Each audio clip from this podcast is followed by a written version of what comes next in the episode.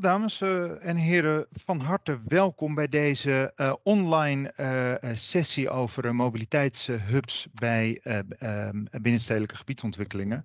Ja, goed, we gaan het onder meer hebben over duurzame mobiliteit. Ja, denk toch dat de meest duurzame manier is om die mobiliteit te, eh, te beperken. Dus ja, wat dat betreft is het natuurlijk goed om met elkaar in zo'n digitale sessie te zitten. Hoewel het aan de andere kant natuurlijk ook een beetje beholpen blijft om ja, niet met elkaar in één ruimte te kunnen zitten en even goed de diepte in te kunnen gaan. Maar goed, ik hoop wel dat we een goede middag hiervan uh, kunnen maken. En ja, schroom ook vooral niet om vragen die u eventueel heeft in de chat aan te geven. Dan kan ik nou ja, ook kijken op welke manier we die, die mee kunnen nemen. Of we die ja, direct aan bod laten komen of dat we dat later deze middag aan bod laten komen.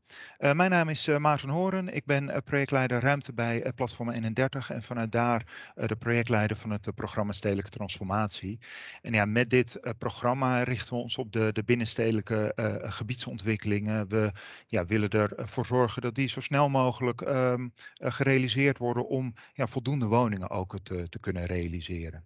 Ja, en nou, een van de thema's waarvan we merkten dat die veel uh, voorbij komen zijn uh, of is, is mobiliteit. Um, daarin, nou ja, ook al wel eerdere uh, sessies die we hierover hebben georganiseerd, merkten dat er eigenlijk ja, drie verschillende ontwikkelingen zijn op het snijvlak van mobiliteit en de gebiedsontwikkelingen. Aan de ene kant zien we meer vraag en aanbod rondom de deelmobiliteit. Eh, op veel meer plekken is er veel minder ruimte voor uh, autobezit. Er wordt veel meer ruimte ja, om verschillende redenen ook voor gemaakt. En we merken ook dat de kosten voor gebouwde parkeervoorzieningen enorm hoog zijn. Ja, met veel verschillende of met veel projecten die te maken hebben met onrendabele toppen. Een reden om ook te kijken naar ja, mogelijkheden om op andere manieren met die mobiliteit om te gaan. In uh, deze sessie richten we ons uh, specifiek op uh, mobiliteitshubs. Dus hè, wat is het precies? hoe kan je het ontwikkelen? En daarbij willen we eigenlijk, of daarbij willen we bekijken wat ja, houden die mobiliteitshubs in? Wat, zijn daar de mogelijkheden voor? Wat zijn daar ook de voorwaarden voor? En leggen we dus met name de link met de kansen en mogelijkheden voor die verschillende gebiedsontwikkelingen. Ehm, ja, waarin we met elkaar willen bespreken wat de kansen en mogelijkheden daarvan, daarvan zijn. Ja, dat, um, dat doen we aan de hand van uh, dit um, uh, programma. Na dit um, welkom nemen Maarten de Vries en Edward Hendriksen het woord. Ze zijn beide werkzaam bij Overmorgen. En daarbij werkt Maarten voor het platform Smart Mobility van de metropoolregio Amsterdam. En voor de gemeente Amsterdam rondom Smart Mobility en mobiliteitshubs. Um, Edward uh, die werkt voor het uh, eigenarencollectief van de uh, gebiedsontwikkeling Merwede in Utrecht en voor Amaze. Dat is een van de landelijke pilots voor Mobility as a Service. Ja, we gaan het vandaag hebben ja, eigenlijk over drie grote of in, in drie grote uh, brokken hebben we de, de middag ingedeeld. Als eerste gaan we het hebben over uh, de context van uh, de mobiliteitshubs. Vervolgens ook het proces en dan nou, met name het proces van de ontwikkeling van de mobiliteitshubs gerelateerd aan die gebiedsontwikkelingen. En we gaan in op een aantal praktijkvoorbeelden. Bij ja, in elk geval een van die praktijkvoorbeelden zal, zullen we specifieker ingaan op de inclusiviteit en ja, de vraagstukken die ook rondom uh, betaalbaarheid uh, spelen. Ja, en afhankelijk van de tijd die we hebben, zullen we daarna nog meer voorbeelden met, met u bespreken. Um, Maarten de Vries, mag ik jou het woord geven om ons ja, mee te nemen in de context van ehm, mobiliteitshubs en ja, vandaar ook in te gaan op ja, een, een introductie van mobiliteitshubs. Dat mag zeker, eh, Maarten. Als jij dan nog even wil bevestigen of mijn scherm op correcte manier gedeeld is ondertussen. Ik, ik zie fijn om even te weten. Heel goed. Um, ja, goedemiddag. Welkom ook namens mijzelf uh, en namens mijn eh, collega Edward Hendriksen. Um, als ik de vragen van zojuist uh, had moeten invullen, had ik het vakje gebiedsontwikkeling aangekruist. Dat is van oorsprong mijn, mijn werkgebied, gebiedsontwikkeling en ook wel wijkaanpak, zowel vanuit gemeenten als van woningcorporaties. Uh, laatste jaren heb ik mij uh, gespecialiseerd echt in het grensvlak van duurzame mobiliteit en, en gebiedsontwikkeling. Dat thema heeft me ook echt wel gegrepen. Nou, gezien de opkomst uh, merk ik dat dat steeds breder wel geldt. Um, en, ja, en dat, vanuit dat enthousiasme wil ik jullie graag, of willen we jullie graag meenemen in een, nou, een aantal lessen die wij geleerd hebben in de praktijk. Nou, Maarten gaf al een introductie van, van mijn werkveld, dus dat hoef ik niet opnieuw te doen. Maar ik ga dus putten, of we gaan putten uit, uit onze eh, concrete projecten waar wij aan gewerkt hebben. Om toch ook een stukje van die kennis uh, aan jullie over te dragen. Uh, doen we inderdaad in drie blokken. Maarten gaf het ook al even aan. De context splitsen we even in twee. Dus ik neem jullie eerst even mee algemeen in nou, het fenomeen hubs. Wat zijn dat nou eigenlijk? Doe ik op basis van uh, wat definities van onder andere de Mobiliteitsalliantie en de gemeente Amsterdam. Om toch ook een beetje beide kanten van het spectrum, publiek en privaat, uh, te benaderen. En vervolgens gaat Edvard jullie meenemen wat meer in de, de deelmobiliteit en, en Maas kant. Omdat het natuurlijk ja, een hele sterke relatie heeft met, met mobiliteitshubs.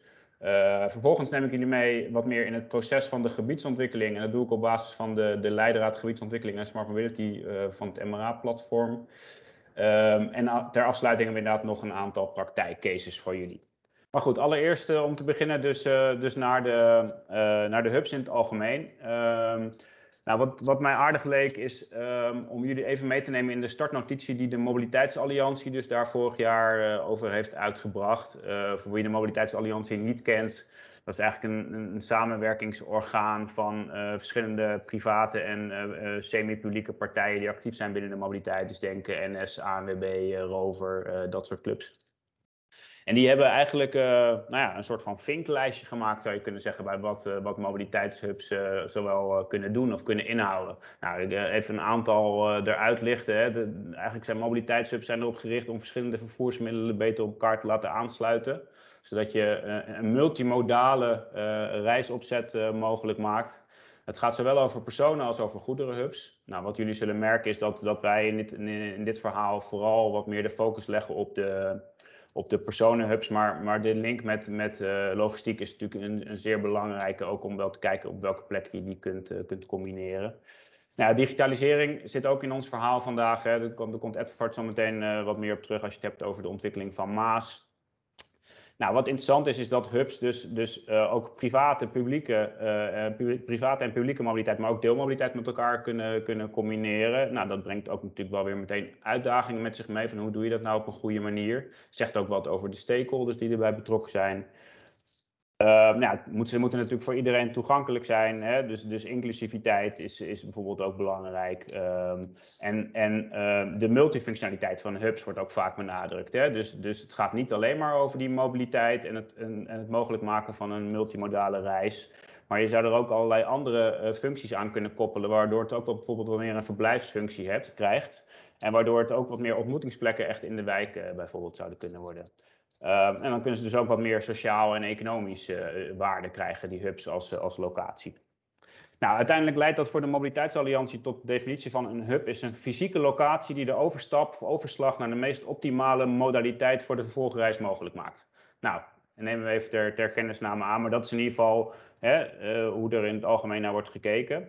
Uh, ik heb nog even één andere quote uit hun uh, startnotitie uitgehaald. En dat is waarom je nou aan bewonershubs zou moeten willen werken. We hebben het hier natuurlijk uh, over, over binnenstedelijke transformatie. Nou, de urgentie daarvoor ligt dus met name in het omlaag brengen van de verkeers- en de parkeerdruk. En het aanwenden van de schaarse openbare ruimte voor andere functies. Dus denk aan, het, uh, aan bijvoorbeeld klimaatadaptatie en biodiversiteit. Maar ook gewoon ja, het bouwen aan prettige en gezonde wonen- en werkomgevingen. Waar um, ja, wat minder rol is voor de auto bijvoorbeeld. Nou, dat ter introductie vanuit de Mobiliteitsalliantie. Zo, zoals beloofd ook wat meer vanuit het oogpunt van de gemeente Amsterdam.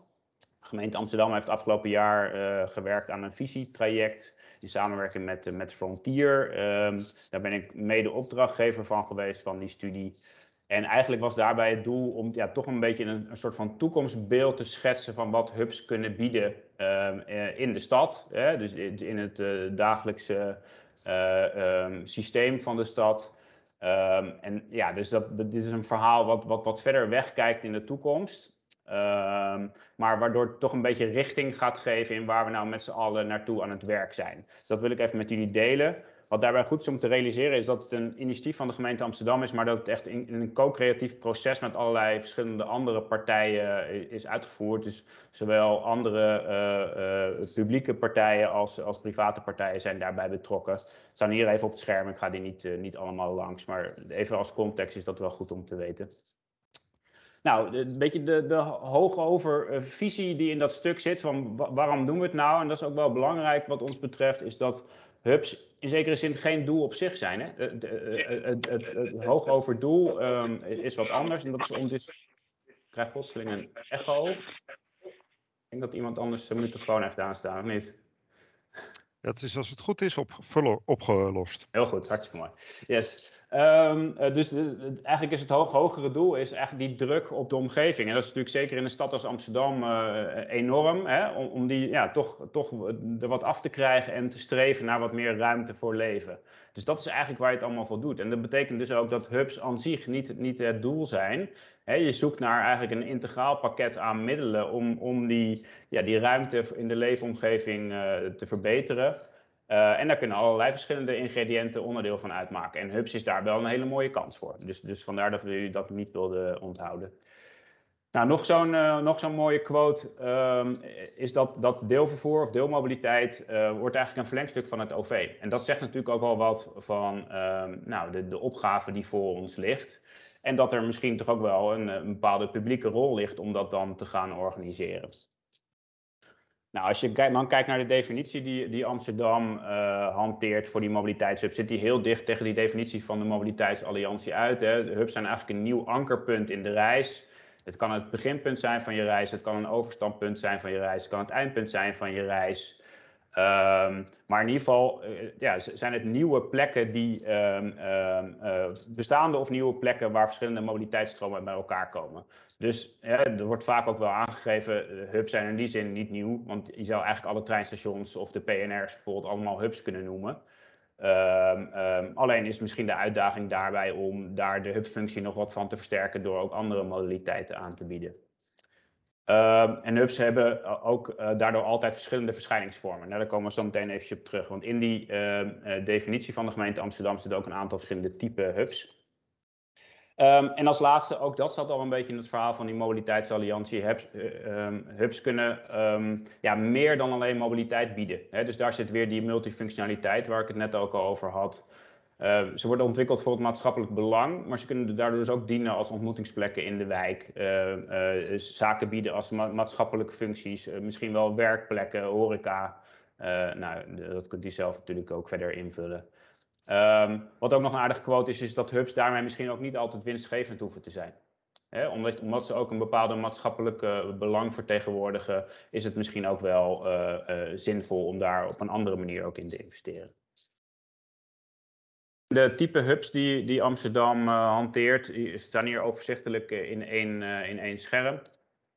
Allereerst is dat uh, de, de privéhub. Um, de privéhub is eigenlijk een, een type hub waar de gemeente be maar beperkte rol in heeft. Het zijn eigenlijk um, private voorzieningen waar uh, binnen bijvoorbeeld bestaande parkeergarages of nieuwe parkeergarages van uh, wooncomplexen of bedrijven bijvoorbeeld deelmobiliteit wordt aangeboden om zo een, een hubfunctie te creëren. Waarbij je natuurlijk wel als gemeente kan overwegen daar een stimulerende, dan wel een wat meer sturende rol op te nemen um, in, in het proces van de gebiedsontwikkeling. Hè? Dus, de, dus, dus, denk aan zaken als, als de bouwenvelop of het kavelpaspoort, waar wellicht specifieke eisen op dit thema kunnen worden meegegeven. Um, dan het tweede type is, is eigenlijk de buurthubs. zijn eigenlijk kleinschalige voorzieningen, primair in de openbare ruimte, die echt in de, in de wijken kunnen worden gerealiseerd. Uh, waarvan je eigenlijk in de toekomst misschien wel zou willen dat die, dat die echt voor iedereen dichtbij beschikbaar zijn. Um, uh, en dan kleinschalig kan je echt denken aan, uh, aan enkele vervoersmiddelen. Dus, dus, dus enkele auto's, enkele fietsen, enkele scooters En de aanwezigheid van auto's kan dan ook wel weer afhankelijk zijn van, van de locatie, bijvoorbeeld uh, binnen de gemeente. Hè? Dus, dus uh, misschien echt in hartje binnenstad wil je die auto's misschien wel niet eens faciliteren. Die wil je wat meer bij de uitvalswegen faciliteren, bijvoorbeeld. Dus ook daarin zal je al zien dat, dat de type uh, mobiliteit kan verschillen.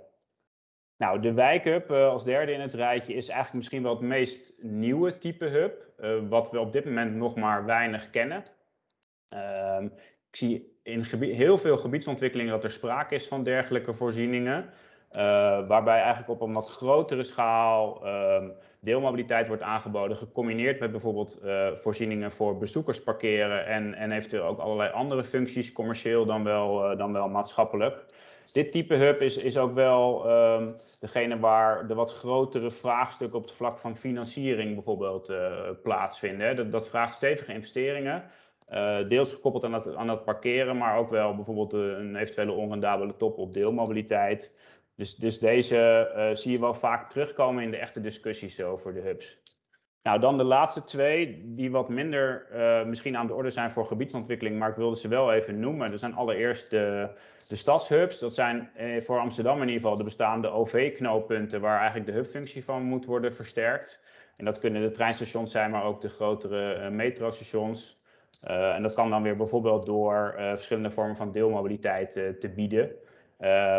op en om een station. we kennen natuurlijk allemaal wel de OV-fiets, maar die zit nog niet eens op, op, alle stations. bij de metrostations zijn die er vaak ook niet. Um, maar dat, kan je dus, dat zou je dus wel op andere manieren kunnen gaan organiseren. Um, en de laatste zijn eigenlijk de, de regio-hubs. Um, zit het meest in het verlengde van de bestaande PNR's. Dus eigenlijk met als doelstelling om verkeer vanuit de regio wat verder van de stad af te vangen en eigenlijk via het OV dan wel deelmobiliteit uh, verder de stad in te geleiden. Om maar te voorkomen dat al die, uh, al die bezoekers zelf uh, op zoek gaan naar een parkeerplekje binnen de ring bijvoorbeeld. Dus dat zijn eigenlijk de, de vijf types uit de, de hubvisie van Amsterdam. Wat, wat daar nog een beetje onder zit, dat wilde ik jullie nog even meegeven, is, is dat er, uh, je hoort het allemaal een beetje aan de toelichting, denk ik, daarmee ook uh, sprake kan zijn van twee verschillende systemen. Enerzijds een, een systeem van private hubs, dat zouden ook coöperatieve modellen kunnen zijn, is ook belangrijk om daarbij even mee te nemen. Um, waarbij mensen uh, met een beperkte groep gezamenlijk voertuigen delen en die over het algemeen ook weer op dezelfde plek zullen moeten terugbrengen. Uh, en daarbovenop dus een, een, ja, wat meer een publiek systeem, uh, wat uh, hopelijk in de toekomst vanuit de eindgebruiker geredeneerd ook zo uitwisselbaar is als mogelijk. Hè? Dus, dus wat zoveel mogelijk uiteindelijk vrijheid geeft ook aan de eindgebruiker om die voertuigen ook weer op andere plekken achter te laten. En daar ligt echt nog een uitdaging waar, waar Maas wellicht ook een rol in zou kunnen spelen. Daar gaat Edward jullie zo meteen nog wat meer over vertellen. Um, nou, en dit is dan, deze wilde ik jullie toch niet onthouden, een kaartje van hoe het er mogelijk in de toekomst in Amsterdam uit zou kunnen zien. Uh, nou, als je dan weet dat op dit moment uh, in Amsterdam iets van 5 tot 10 buurthubs daadwerkelijk in, uh, op straat zijn gerealiseerd en er nog een aantal in het vat zitten, zie je wel dat er nog een grote uitdaging op ons afkomt. De rode puntjes zijn hier bijvoorbeeld de buurthubs.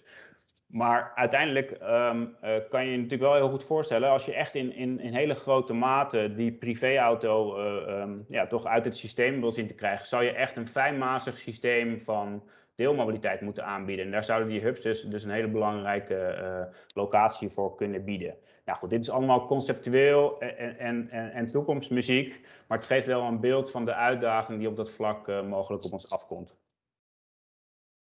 Wat ik dan wilde doen is heel even uh, nog dit plaatje ook weer laten zien. Grijpen we heel even terug op dat stuk van de mobiliteitsalliantie, die, die ook allerlei hubtypen hebben benoemd. Die ga ik nu niet allemaal langs, maar, maar wat ik vooral even wilde laten zien is dat uh, verschillende partijen verschillende visies kunnen hebben op hubs en ook andere termen kunnen hanteren voor iets wat ze hetzelfde bedoelen.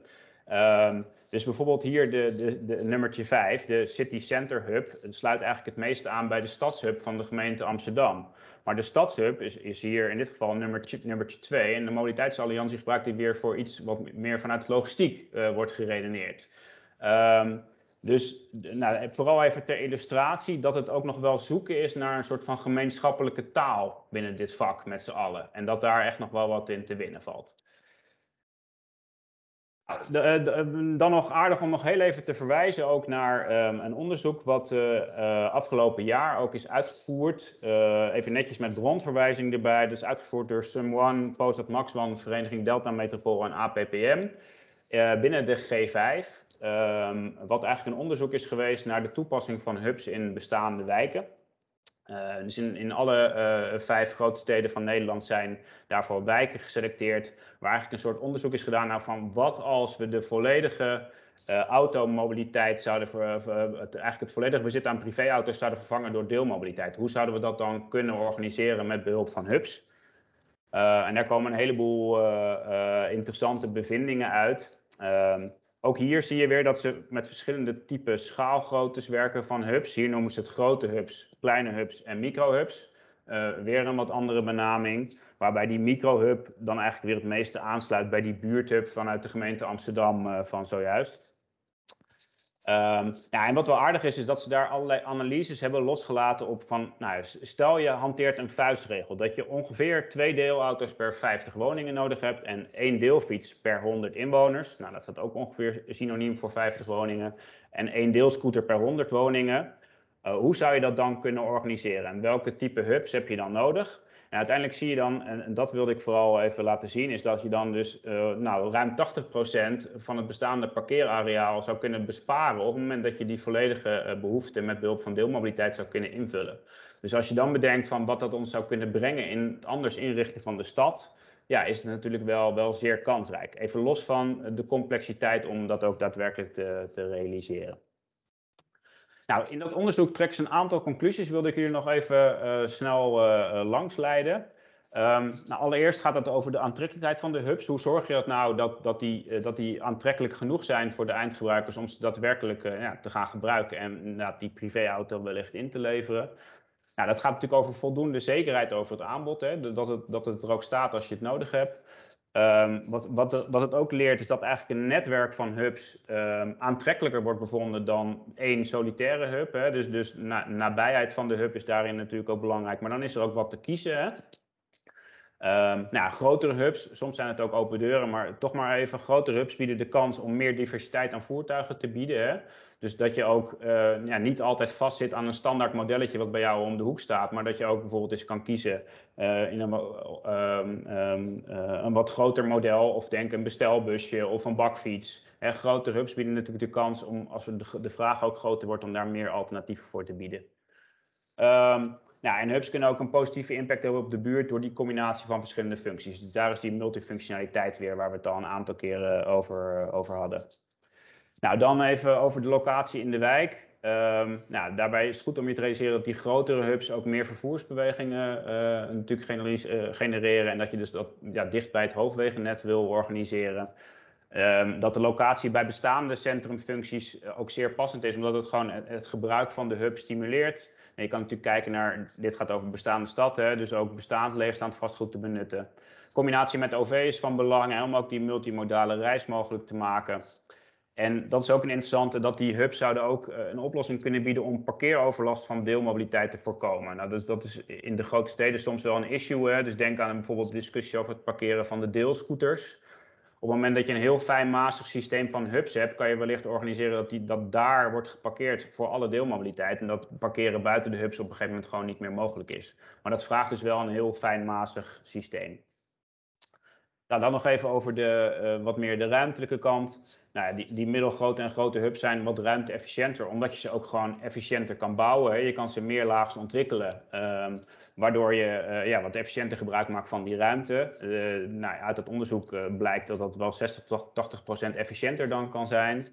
Nou, die hubs hebben een heel diverse verschijningsvorm. Nou, wederom, die aanvullende voorzieningen zijn heel bepalend ook voor de uitstraling van de hub.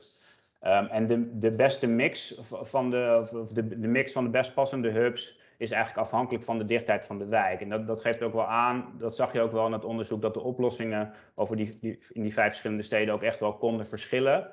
Um, ja, dus, dus het is toch elke keer weer maatwerk per gebied hoe je dat op de beste manier weet in te richten.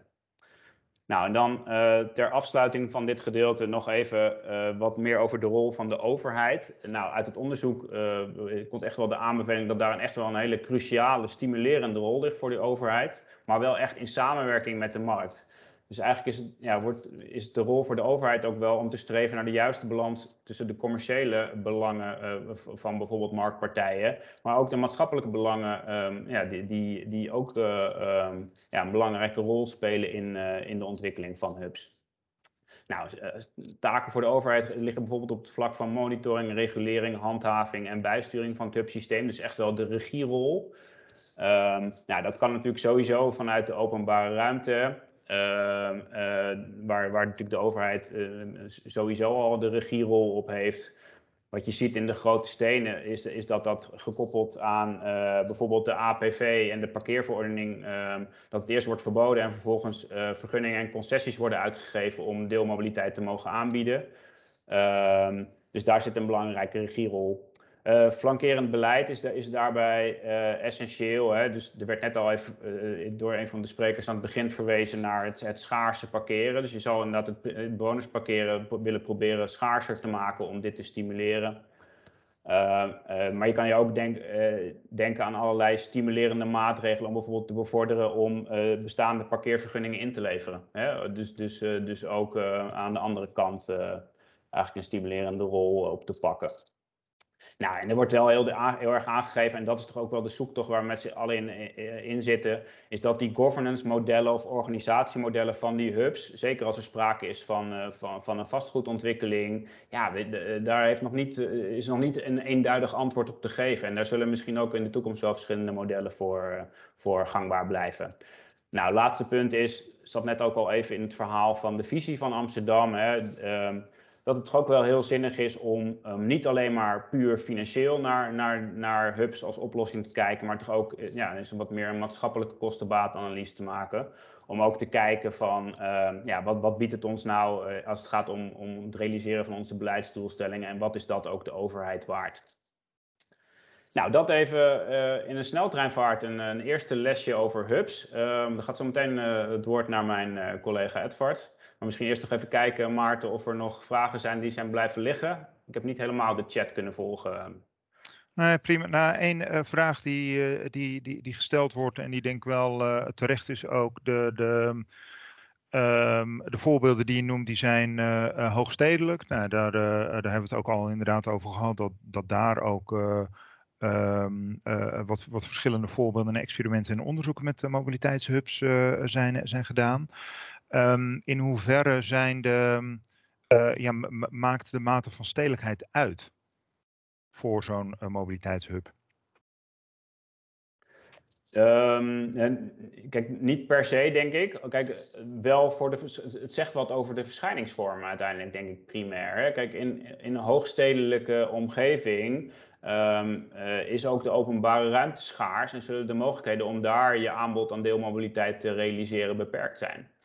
Um, op het moment dat je een wat minder hoogstedelijke omgeving zit, heb je wellicht ook wat meer kans om, om uh, deelmobiliteit in de openbare ruimte aan te bieden. In een verspreid model met behulp van, van free floating. Nou, definities komt Edward zo meteen op. Maar wellicht ook met die buurthubs die net in dat verhaal zaten. Hè. Dus, dus ik denk wel dat, dat hoogstedelijk nieuwe uitdagingen met zich meebrengt. Omdat er ja, veel eerder zal, sprake zal zijn van een vastgoedontwikkeling als je het hebt over hubs ook. Dus daar zit denk ik wel wellicht een verschil. Um, maar uiteindelijk, uh, ja, kijk, we hebben het hier inderdaad over de voorbeelden uit, uit de G5, omdat nou dit onderzoek daar ook uh, voor beschikbaar was. Maar ik denk, denk dat dit uh, zeker ook in, in, in middelgrote gemeenten echt een issue gaat worden de komende jaren. Yes. Ja. Om, om even toe te voegen, misschien daarop, daarop nog, en kan ik zo het woord meteen overnemen. Ja, Edvard, ga je gang. ja, sorry. Um, in, ik heb, eh, wij werken eh, de afgelopen jaren ook wel in inderdaad gebieden die wat minder hoogstedelijk zijn. En dan zien we dat juist die hubs ook ruimte geven om in nieuwe wijken, gebiedsontwikkelingen, veel meer uh, ja, ruimte te bieden aan andere, hè, aan veel meer uh, wandelen, lopen, hè, veel meer ruimte voor groen. En dan zijn dus hubs, uh, bieden ook daar wel mogelijkheden om, om gewoon veel meer ruimte te scheppen binnen de wijk. En dus ik denk in die zin is het misschien om andere redenen zeker ook interessant uh, voor die minder hoogstedelijke gebieden dan dat dat in de G5 is. Dankjewel. Ja, en misschien dat we hier uh, later, uh, later vanmiddag ook nog even over door kunnen praten van wat voor nou, andere uitdagingen zijn er, er ook misschien in, in andere steden. Maar Edward, ga vooral door met de context van Maas en deelmobiliteit. En misschien even voor de luisteraars goed om te weten dat hierna gaan we dus echt de, de link maken naar het, nou zeg maar het proces en dus de deelmobiliteit in gebiedsontwikkeling, waarmee we de, de vertaalslag gaan, gaan maken. Ja, dankjewel. Um, goed, mijn naam is, is Edvard, zoals al even aangekondigd. Ik heb de afgelopen jaren uh, gewerkt aan diverse gebiedsontwikkelingen, waaronder strand, eiland en nu ben ik betrokken bij de Meerwede Kanaalzone. Daarnaast uh, zit ik ook wat opdrachten wat dichter op de markt en, en de eindgebruikers, de bewoners, waaronder uh, de ontwikkeling van, van, van een maasdienst en mees. en ik ben ook wel nadrukkelijk altijd in de opdrachten die we doen, voor, ook voor gemeenten, of eh, projectontwikkelaars, als het gaat om nieuwe gebiedsontwikkelingen of, of binnenstedelijke gebiedsvernieuwingen, op zoek naar wat, waar doen we het uiteindelijk voor? Hè? En nou, hubs zijn uiteindelijk uh, in onze ogen vooral een, middel. Hij klikt door, kijk. een middel om die duurzame mobiliteit te stimuleren. En geen doel op zich. en we horen nu al heel veel dat, het woord hub vallen als een soort hype. Maar ik denk, en daarom ook terecht dat de vraag net werd gesteld, hoe relevant zijn ze in, in andere gebieden dan, dan in, in bijvoorbeeld de G5. En ik denk dat is vooral het onderzoeken waard. En wij hebben daar ook afgelopen jaar wat onderzoeken naar gedaan, ook naar het, ook naar het onderzoeken van het succes van deelmobiliteit, ook buiten de grote steden. En daar komen wel interessante, interessante zaken uit, daar kom ik zo meteen op terug. Maar als we het hebben over hoe, hoe willen we toewerken naar duurzame mobiliteit in, in onze steden en dorpen, werken wij altijd vanuit dit, dit, dit principe. En dat is in eerste instantie kijk vooral naar hoe je mobiliteit kan voorkomen, onnodige reisbewegingen. Dat is de afgelopen twee jaar goed gelukt. Um, maar dat zou eigenlijk ook ja, als startprincipe gebruikt moeten worden als we het hebben over het inrichten van onze nieuwe wijken. Um, daarna Stap 2 is eigenlijk het veranderen van mobiliteit. De, de, de reizen die nog overblijven, uh, waarvoor mensen niet thuis kunnen blijven of in hun eigen nabijheid van de buurt. Ja, wil je vooral dat mensen niet in de auto stappen, dus kiezen voor ander vervoer. En tenslotte uh, blijft er nog een deel van de reizen over voor die auto. Uh, en daarvan wil je dat die, dat die vooral elektrisch gebeuren. Of in ieder geval niet met fossiele brandstoffen. En ik van dit principe ehm, ja, kun je nadenken over maatregelen die nodig zijn. En daar gebruiken wij in die mobiliteitstransitie van nieuwe gebiedsontwikkelingen vaak dit, dit, dit kader, waarin je in eerste instantie ook dat, ja, het voorkomen van mobiliteit doe je door mensen vooral in de nabijheid van de buurt te houden. Zorg voor voldoende voorzieningen daar. zorg dat ze goed thuis kunnen werken. Nu des te relevanter. Mensen willen ook graag thuis en ruimte om te werken of in ieder geval flexwerkplekken in, in de nieuwe wijk. Zorg daarvoor. Um, nou, vervolgens kijk hoeveel je kan opvangen door middel van het stimuleren van wandelen um, of, of fietsen. Al dan niet de e-bike. Um, nou, vervolgens komt er het hele spectrum wat onder Maas valt uh, op tafel. En dat, dat is uh, OV, is namelijk een dienst, deelmobiliteit in diverse vormen. Eh, gekoppeld aan, eh, aan één naastdienst. Uh, vervolgens het stukje auto dat nog overblijft. Bij voorkeur een stukje privéauto, bij voorkeur elektrisch. En eigenlijk door die, daar helemaal doorheen loopt ook die stadslogistiek. er wordt heel vaak vergeten, nieuwe gebiedsontwikkelingen, maar zorgt uiteindelijk vaak voor een, ook nog weer een groot deel van de verkeersgeneratie in nieuwe, nieuwe gebieden. En ook daarin, ook daarin kun je door middel van, van voorkomen bundelen van, uh, van logistiek. Dat kan ook in hubs of in pakketwanden. Het, veranderen, dus ook, uh, ook daarin andere vormen kiezen op, op cargo bikes bijvoorbeeld. Maar ook uiteindelijk het, het verduurzamen door dat elektrisch te doen. Is ook iets om in een vroeg stadium uh, over na te denken in die, in die fietsontwikkelingen.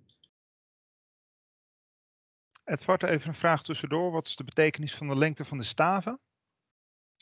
Uh, die hebben op zich uh, enkel als betekenis dat uh, de hoogste, dus links, dat dat de, de start is. Dus met de meeste, uiteindelijk het meeste effect op, op, de, ja, op ook de, de, de, duurzame mobiliteitsverandering die je wil bereiken. Dus als, je, als, je, als, je, als het je lukt om zoveel mogelijk mobiliteit te voorkomen, wat gewoon echt stap 1 is, en wat in het verleden vaak een ondergeschoven kindje was, ehm, ja, kun je daar heel veel mee bereiken. Nou, de laatste, helemaal rechts, het, het, het verduurzamen van een, van een privéauto naar een elektrische privéauto.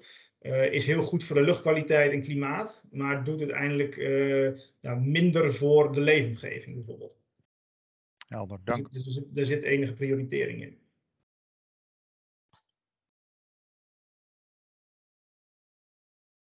Nou, als we dan komen ehm, naar uh, ja, de, de, de, markt van, van deelmobiliteit en de spelers daarop actief, zien we uiteindelijk, we zien die eindgebruiker, die heeft wensen en ja, ambities. We zien de markt die zich heel snel ontwikkelt. Nieuwe, nieuwe spelers op de markt in diverse mo modaliteiten die zich mengen. Ook spelers die weer verdwijnen. En we hebben een hele set aan maatschappelijke, maatschappelijke ambities en opgaven die we willen realiseren samen. En dat eigenlijk in een, in een wereld waarin we, en hij werd net ook genoemd, een paar heel verschillende dynamieken kennen, van uh, hoofdstedelijk tot substedelijk en landelijk gebieden. En daar horen, horen andere keuzes bij. En ik denk dat dat het belangrijkste is wat ik, wat ik mee wil geven, is die.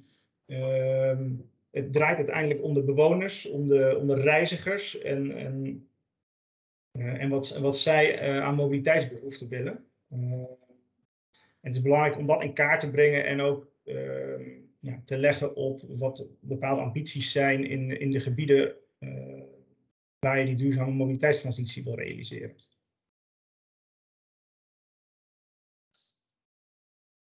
Nou, de, om al even over te gaan naar deelmobiliteit. Uh, ja, we zien dat uh, deelmobiliteit hard aan het groeien is. het gebruik ervan heeft in potentie veel toegevoegde waarde voor eindgebruikers. we zien dat flexibiliteit eh, enorm, enorm groeit. Eh, keuze aan eh, een type modaliteiten wordt steeds groter. Er komen in de toekomst nog steps bij. Ehm, de snelheid om je door het verkeer te begeven in de steden, ja, kan, het, kan het mensen een, boost in mobiliteit vergeven. nou, dat, dat, aanbod aan type modaliteiten groeit hard en in potentie kan het ook bepaalde doelgroepen een kostenbesparing geven. En als we kijken naar verschillende typen deelmobiliteit uh, die we nu actief zien in de, in de steden. Hè. We zien uh, waar, waar, het vroeger met name station-based uh, mobiliteit was. Dus je, je haalde een auto op op een bepaalde plek en je moest hem vervolgens weer terugbrengen naar dezelfde plek. Zijn er de afgelopen jaren veel verschillende vormen bijgekomen. Ehm, ik denk zo'n tien jaar geleden kwamen er de eerste free-floating aanbieders op de markt. Waarbij je binnen een bepaalde stad uh, een auto kon pakken en op een uh, willekeurig andere parkeerplek terug kon zetten. Maar we zien nu ook concepten ontstaan waarin je die auto's in andere steden kan achterlaten. Um, daarnaast zien we de, de, de meer station-based oplossingen zich ook verruimen. Uh, waarin je auto's in, in hubs kan achterlaten, maar ook in, in hubs in andere steden. Zien we ook diverse modellen nu uh, voorkomen. En eigenlijk in aanvulling op het station-based model zien we nu ook dat zone-floating uh, actief worden. Dus dat je je auto niet per definitie op een bepaalde parkeerplek hoeft terug te zetten, maar dat het in een bepaalde zone uh, in, een, in een wijk kan. Nou goed, en dit functioneert nu, we zien het in de grote steden en ook wel middelgrote steden nu allemaal door elkaar heen functioneren. Uh, en dat biedt, biedt gewoon heel veel flexibiliteit aan gebruikers, afhankelijk van uh, de reis die, die men wil maken. Of het een enkele reis is, uh, nou, dan past een uh, station, station-based model minder goed. Is het, een, is het een tool, past dat weer wel. Dus de keuze en flexibiliteit groeit gewoon enorm. Nou, daarnaast biedt die deelmobiliteit kansen om sneller door de stad te verplaatsen. Uh, waar je misschien zelf uh, bijvoorbeeld geen e-bike hebt. Uh, een keuze daarvoor. om vanaf een plaatje hier van Arnhem Centraal snel naar de buitenwijken te komen. Het, biedt, het, biedt gewoon een veel groter aanbod om, om het sneller te doen. En, en, niet zozeer daar de auto voor te gebruiken. Nou, dat aanbod groeit hard. We zien de afgelopen jaren dat, dat naast de OV-fiets en de deelauto's de scooters op de markt op zijn gekomen. Inmiddels al in tiental steden actief, diverse aanbieders van scooters. We zien dat de bakfietsen, elektrische bakfietsen nu ook in meerdere steden actief worden. Dus de keuze wordt ook gewoon steeds groter. En dat allemaal in verschillende businessmodellen. Um, nou goed, en we zien ook wel dat, dat dat op termijn gewoon grote kostenbesparingen kan oplopen, uh, kan, kan, kan geven voor gebruikers. Um, en dat zal in eerste instantie de doelgroep zijn die nu uh, in wat duurdere voertuigen rijdt, duurdere privévoertuigen. daar is op dit moment de business case om te switchen naar een model waarin je betaalt naar gebruik. Ehm, is, is, is voor sommige doelgroepen al aantrekkelijk. Daar komt bij dat de kosten van elektrische deelauto's verder zullen, zullen dalen. Simpelweg omdat er gewoon veel meer verschillende types uh, uh, elektrische auto's op de markt komen en ook goedkopere modellen. De kosten daarvan zullen dalen door dat de batterijen steeds goedkoper worden. en dat biedt, um, dat biedt gewoon concrete kansen.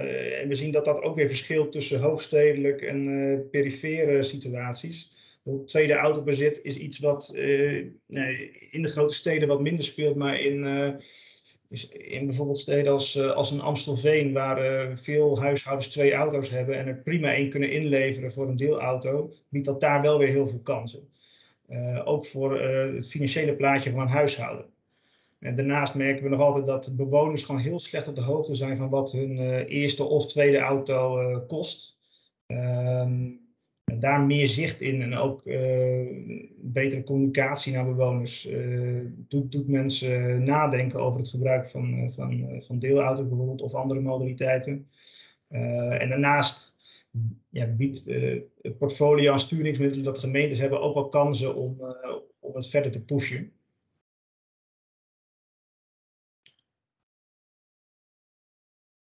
Nou, om dan even de switch te maken naar, naar wat kan Maas daarin doen. Eh, mobility as a Service. Nou, ik noemde net een heel aantal aan uh, verschillende modaliteiten die, uh, die we in de markt actief zien nu in Nederland. dat is een veelvoud aan, aan merken en aanbieders die dat organiseert. Allemaal met hun eigen proposities en eigen achterliggende business rules. Ehm, voor de gemiddelde deelauto of deelfietsgebruiker is het overzicht ver te zoeken. En is dat ook niet altijd even handig om van één bepaalde aanbieder gebruik, te maken. Uh, en is het fijn om te zien wat er verder nog aan fiets, scooter of auto-aanbieders in de buurt zijn. Wat Maas eigenlijk doet, is het combineren van al deze aanbieders op één platform. nou, dan zelf werk ik aan het het platform Amaze, waarin we nu een, tweetal jaren werken aan de ontwikkeling. En daarop zijn uh, al die modaliteiten, dus het OV, deel auto's, deel fietsen, deel scooters, uh, gekoppeld. En de taxi. Uh, je kan daarin je reis plannen. Dus eigenlijk, je kan je, bijvoorbeeld je, je woon-werkreis of een recreatieve reis je, geeft je, je, vertreklocatie, eindbestemming op en vervolgens krijg je hier in het boekingsscherm krijg je een, uh, in het tweede schermpje uh, zie je een, een, aantal reisopties. En die kun je sorteren bijvoorbeeld naar meest duurzame of snelste reis of goedkoopste reis. En vervolgens kun je met, een, met één klik betaal je je trip en kun je met de barcode of inchecken in het OV. dus je hebt eigenlijk geen, geen overchipkaart meer nodig. Of je opent direct met je app de deelauto of de deelfiets. Uh, dus eigenlijk alle mobiliteit is beschikbaar vanuit één app en één account. Ook het aanmelden met, uh, met je rijbewijs bij drie, vier verschillende deelauto-aanbieders is niet meer nodig. Dat doe je gewoon één keer en vervolgens is al die mobiliteit beschikbaar.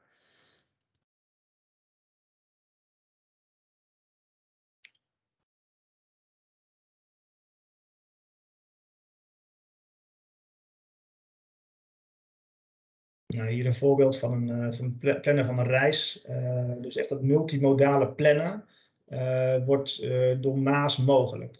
waar je bij het gebruik van één deelautodienst enkel de reis krijgt die je met die deelauto wil maken, krijg je met Maas een aanbod van misschien wel meerdere deeldiensten gecombineerd met OV of met PNR. Het is ook mogelijk dat je een eerste deel van je reis met, met de auto doet. En vervolgens vanaf de rand van uh, Amsterdam het laatste deel met een, uh, met een deelfiets of deelscooter.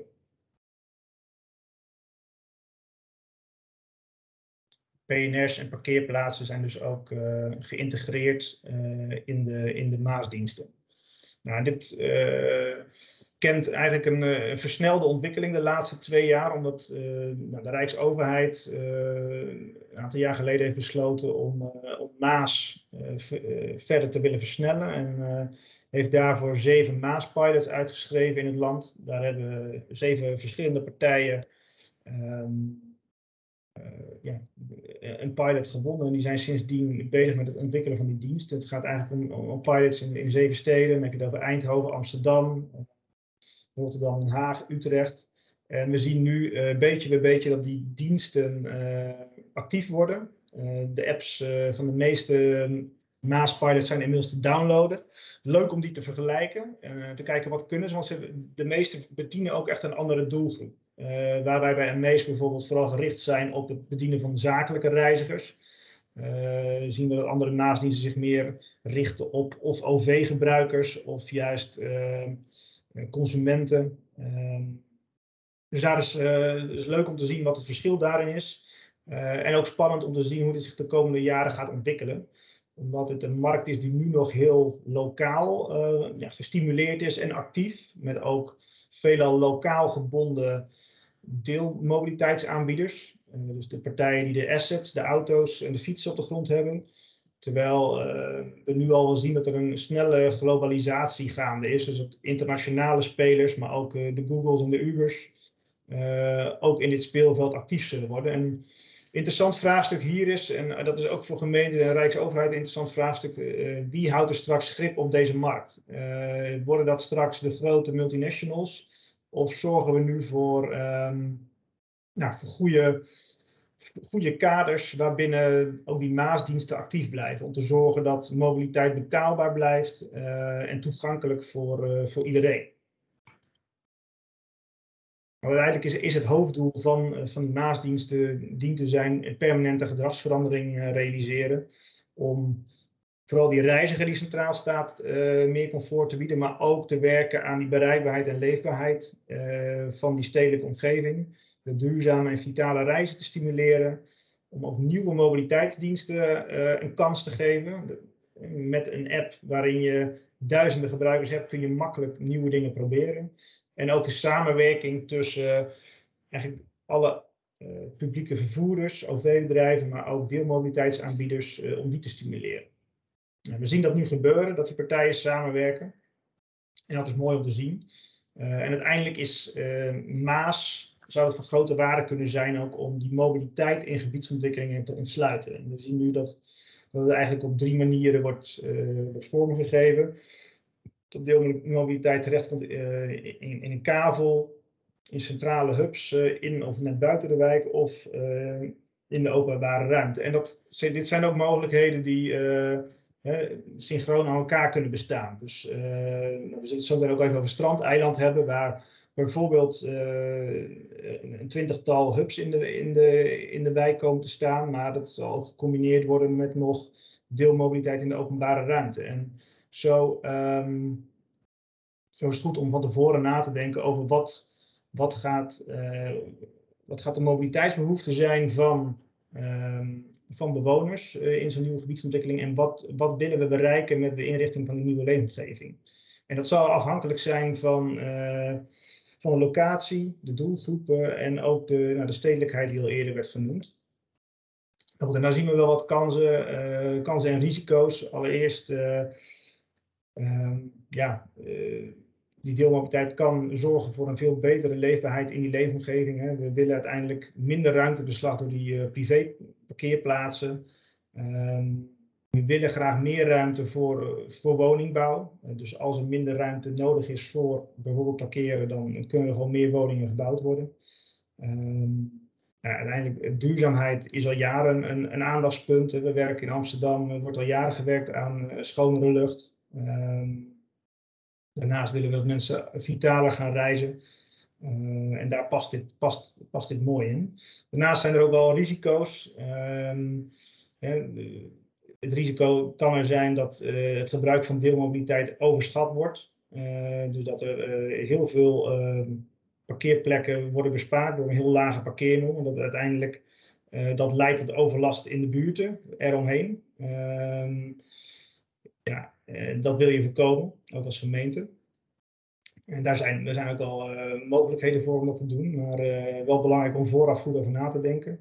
Kan zijn dat, uh, dat, dat concepten van bijvoorbeeld mobiliteitsaanbieders niet aansluiten bij de specifieke locaties of doelgroepen die, die er komen te wonen. Nou goed, daar valt natuurlijk achteraf nog wel in, in te sturen, maar wil je ook voorkomen. En daar is goed onderzoek vooraf wel voor nodig. Ehm, en tenslotte, we hebben het hier over onvolwassen markten die pas een paar jaar bestaan en zich wel weliswaar razendsnel ontwikkelen, maar waar we niet weten hoe ze er over vijf jaar voor staan. Dat merk ik ook aan uh, een paar gebiedsontwikkelingen waar bepaalde mobiliteitsconcepten de drie, vier jaar terug zijn bedacht en inmiddels eigenlijk alweer op de schop kunnen, omdat de markt ze gewoon inhaalt. Uh, en wat ik net al zei, er is een enorme consolidatie gaande op zowel deelmobiliteit als maasvlak. Er komt die globalisatie bij, die, die maakt dat, dat het moeilijk in te schatten is hoe die markt er over een paar jaar voor staat. Verder zijn het partijen die vooral snel willen schalen, uh, nu vaak nog met verliesgevende operaties. Ehm, ja, het is ook nog de vraag welke partijen over een aantal jaar nog, nog beschikbaar zijn. Dus dat, dat, maakt wel dat daar risico's zitten. Nou, om dan even terug te keren bij de sturingsinstrumenten die er mogelijk als gemeente ook zijn.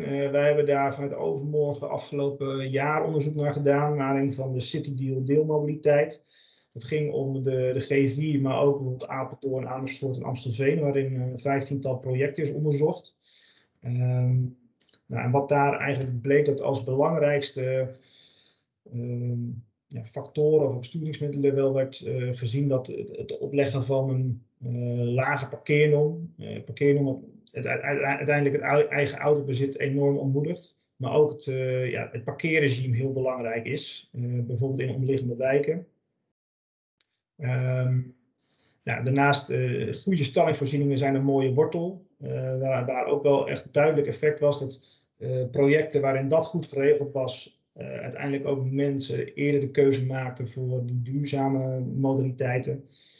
En ook zorgen voor aanvullend aanbod, bijvoorbeeld scooters of elektrische bakfietsen. Dat, ook, dat had ook een significant effect op een positief resultaat. Nou, nog even kort wat, wat we zagen in de succesvolle projecten. ik denk heel belangrijk natuurlijk ook wel de loopafstand van station. Eh, en ook ehm, ja, het, het, al dan niet bestaan van het parkeerregime eh, was een belangrijke. Eh, wat we zagen in de niet succesvolle projecten was dat, uh, dat het met name te maken ook, ook had met het, het, deelaanbod dat werd geboden. Dus dat het simpelweg of te duur was of in een structuur die niet aantrekkelijk was met hoge vaste abonnementskosten per maand. En uh, dat het paste bij de desbetreffende ontwikkeling. Um,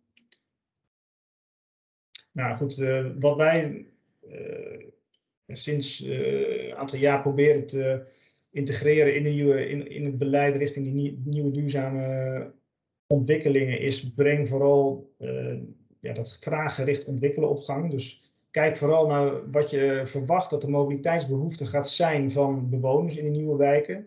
Nou, wij doen dat veelal door ehm, door inzicht te geven in het toekomstige mobiliteitsgedrag. Dus door model splits, patronen en bestedingen van, van huishoudens in beeld te brengen. Vervolgens dat te toetsen aan, aan het mogelijke aanbod. Uh, dat zijn, de belangrijkste voorwaarden daarin zijn dat mobiliteit beschikbaar, toegankelijk of bruikbaar, betaalbaar en ook adaptief is. Nou, dan komt vervolgens land dat in een mobiliteitsbalans, waarin we eigenlijk die onderdelen van de themes um, plaatje wat ik in het begin liet zien, eh, liet zien allemaal effect hebben op het, op het uiteindelijke aanbod dat er is. En de uiteindelijke parkeernorm die gehanteerd kan worden. Want hoe meer je aanbiedt aan uh, actieve mobiliteit of uh, maasvoorzieningen, hoe lager de parkeernorm kan zijn in een nieuwe wijk. Om er even heel snel een paar voorbeelden van te geven wat, wat, we, dan, wat we dan doen. is allereerst het in kaart brengen van actuele verplaatsingen van huishoudens in, in wijken rondom een bestaande of, of een nieuwe gebiedsontwikkeling. Nou, het is heel duidelijk daarin te zien hè, dat naarmate de afstanden uh, die op de horizontale as zijn weergegeven toenemen. Dat je ziet dat uh, autogebruik toeneemt, hier in oranje. En dat bijvoorbeeld fietsgebruik verder afneemt. Nou goed, dit is een bekend plaatje, dat is verder niet zo spannend. Dit, dit zien we dit zien we vaker. Uh, er zitten wel grote verschillen in tussenwijken, maar het wordt interessanter als we bijvoorbeeld al kijken naar uh, hoe dat over doelgroepen, als je bijvoorbeeld hebt over sociale huurders, middenhuur en hoger segment, hoe dat verschilt. En ook tussen bijvoorbeeld uh, geselecteerde wijken in Amstelveen en Amsterdam. Nou, al, er, wordt, er wordt bijvoorbeeld al zichtbaar dat, wat we ook al weten, dat sociale huurders relatief minder de auto gebruiken en bezitten. Dit, dit, zijn, uh, dit, geeft, dit geeft al een aanzet om te kijken naar hoe, uh, hoe gedragen mensen zich. En hier kun je vervolgens nog een paar slagen door maken om te zien wat is uiteindelijk bijvoorbeeld het, uh, de afhankelijkheid van bepaalde bewoners van de auto. gaan we bijvoorbeeld in een nieuwe wijk überhaupt mensen uit de auto krijgen en in welke mate? Een, een tweede hierin is wat besteden mensen aan, aan mobiliteit, bijvoorbeeld per kilometer. Nou, dat, verschilt enorm tussen, tussen lage, midden- en hoge inkomens. Ehm, nou, waar lage inkomens ehm, eh, op, op zo'n 19 cent per kilometer zitten, zit dat voor hoge inkomens uh, vele malen hoger. Nou, en dat is belangrijk voor de business case voor deelmobiliteit, die ehm, op dit moment uh, veelal nog veel meer kosten dan die 19 cent per kilometer. Dus belangrijk om te zien van wel, voor welke doelgroepen kun je uiteindelijk iets betekenen als je in een nieuwe wijk uh, bijvoorbeeld deelauto's wil stallen. Uh, dus, ja, zonder daar goed naar te kijken, misreken je jezelf mogelijk. Nou, dat geldt ook voor de, als je kijkt naar mobiliteitsbestedingen per maand, hè, wat kunnen mensen eventueel, als je kijkt naar het totaal aanbod aan mobiliteit voor een bepaald huishouden, wat kun je wat kun je, kun je ze aanbieden en wat, wat kunnen mensen vervolgens betalen? Uh, is het ook wel belangrijk om te herkennen. En dit, dit is ook iets wat sterk verschilt tussen steden. Uh, en ook perifeer en uh, stedelijk verschilt. dus goed om dit in beeld te brengen, om te kijken wat zijn uiteindelijke proposities die je van deelmobiliteitsaanbieders verlangt om actief te worden in een, in een nieuwe wijk.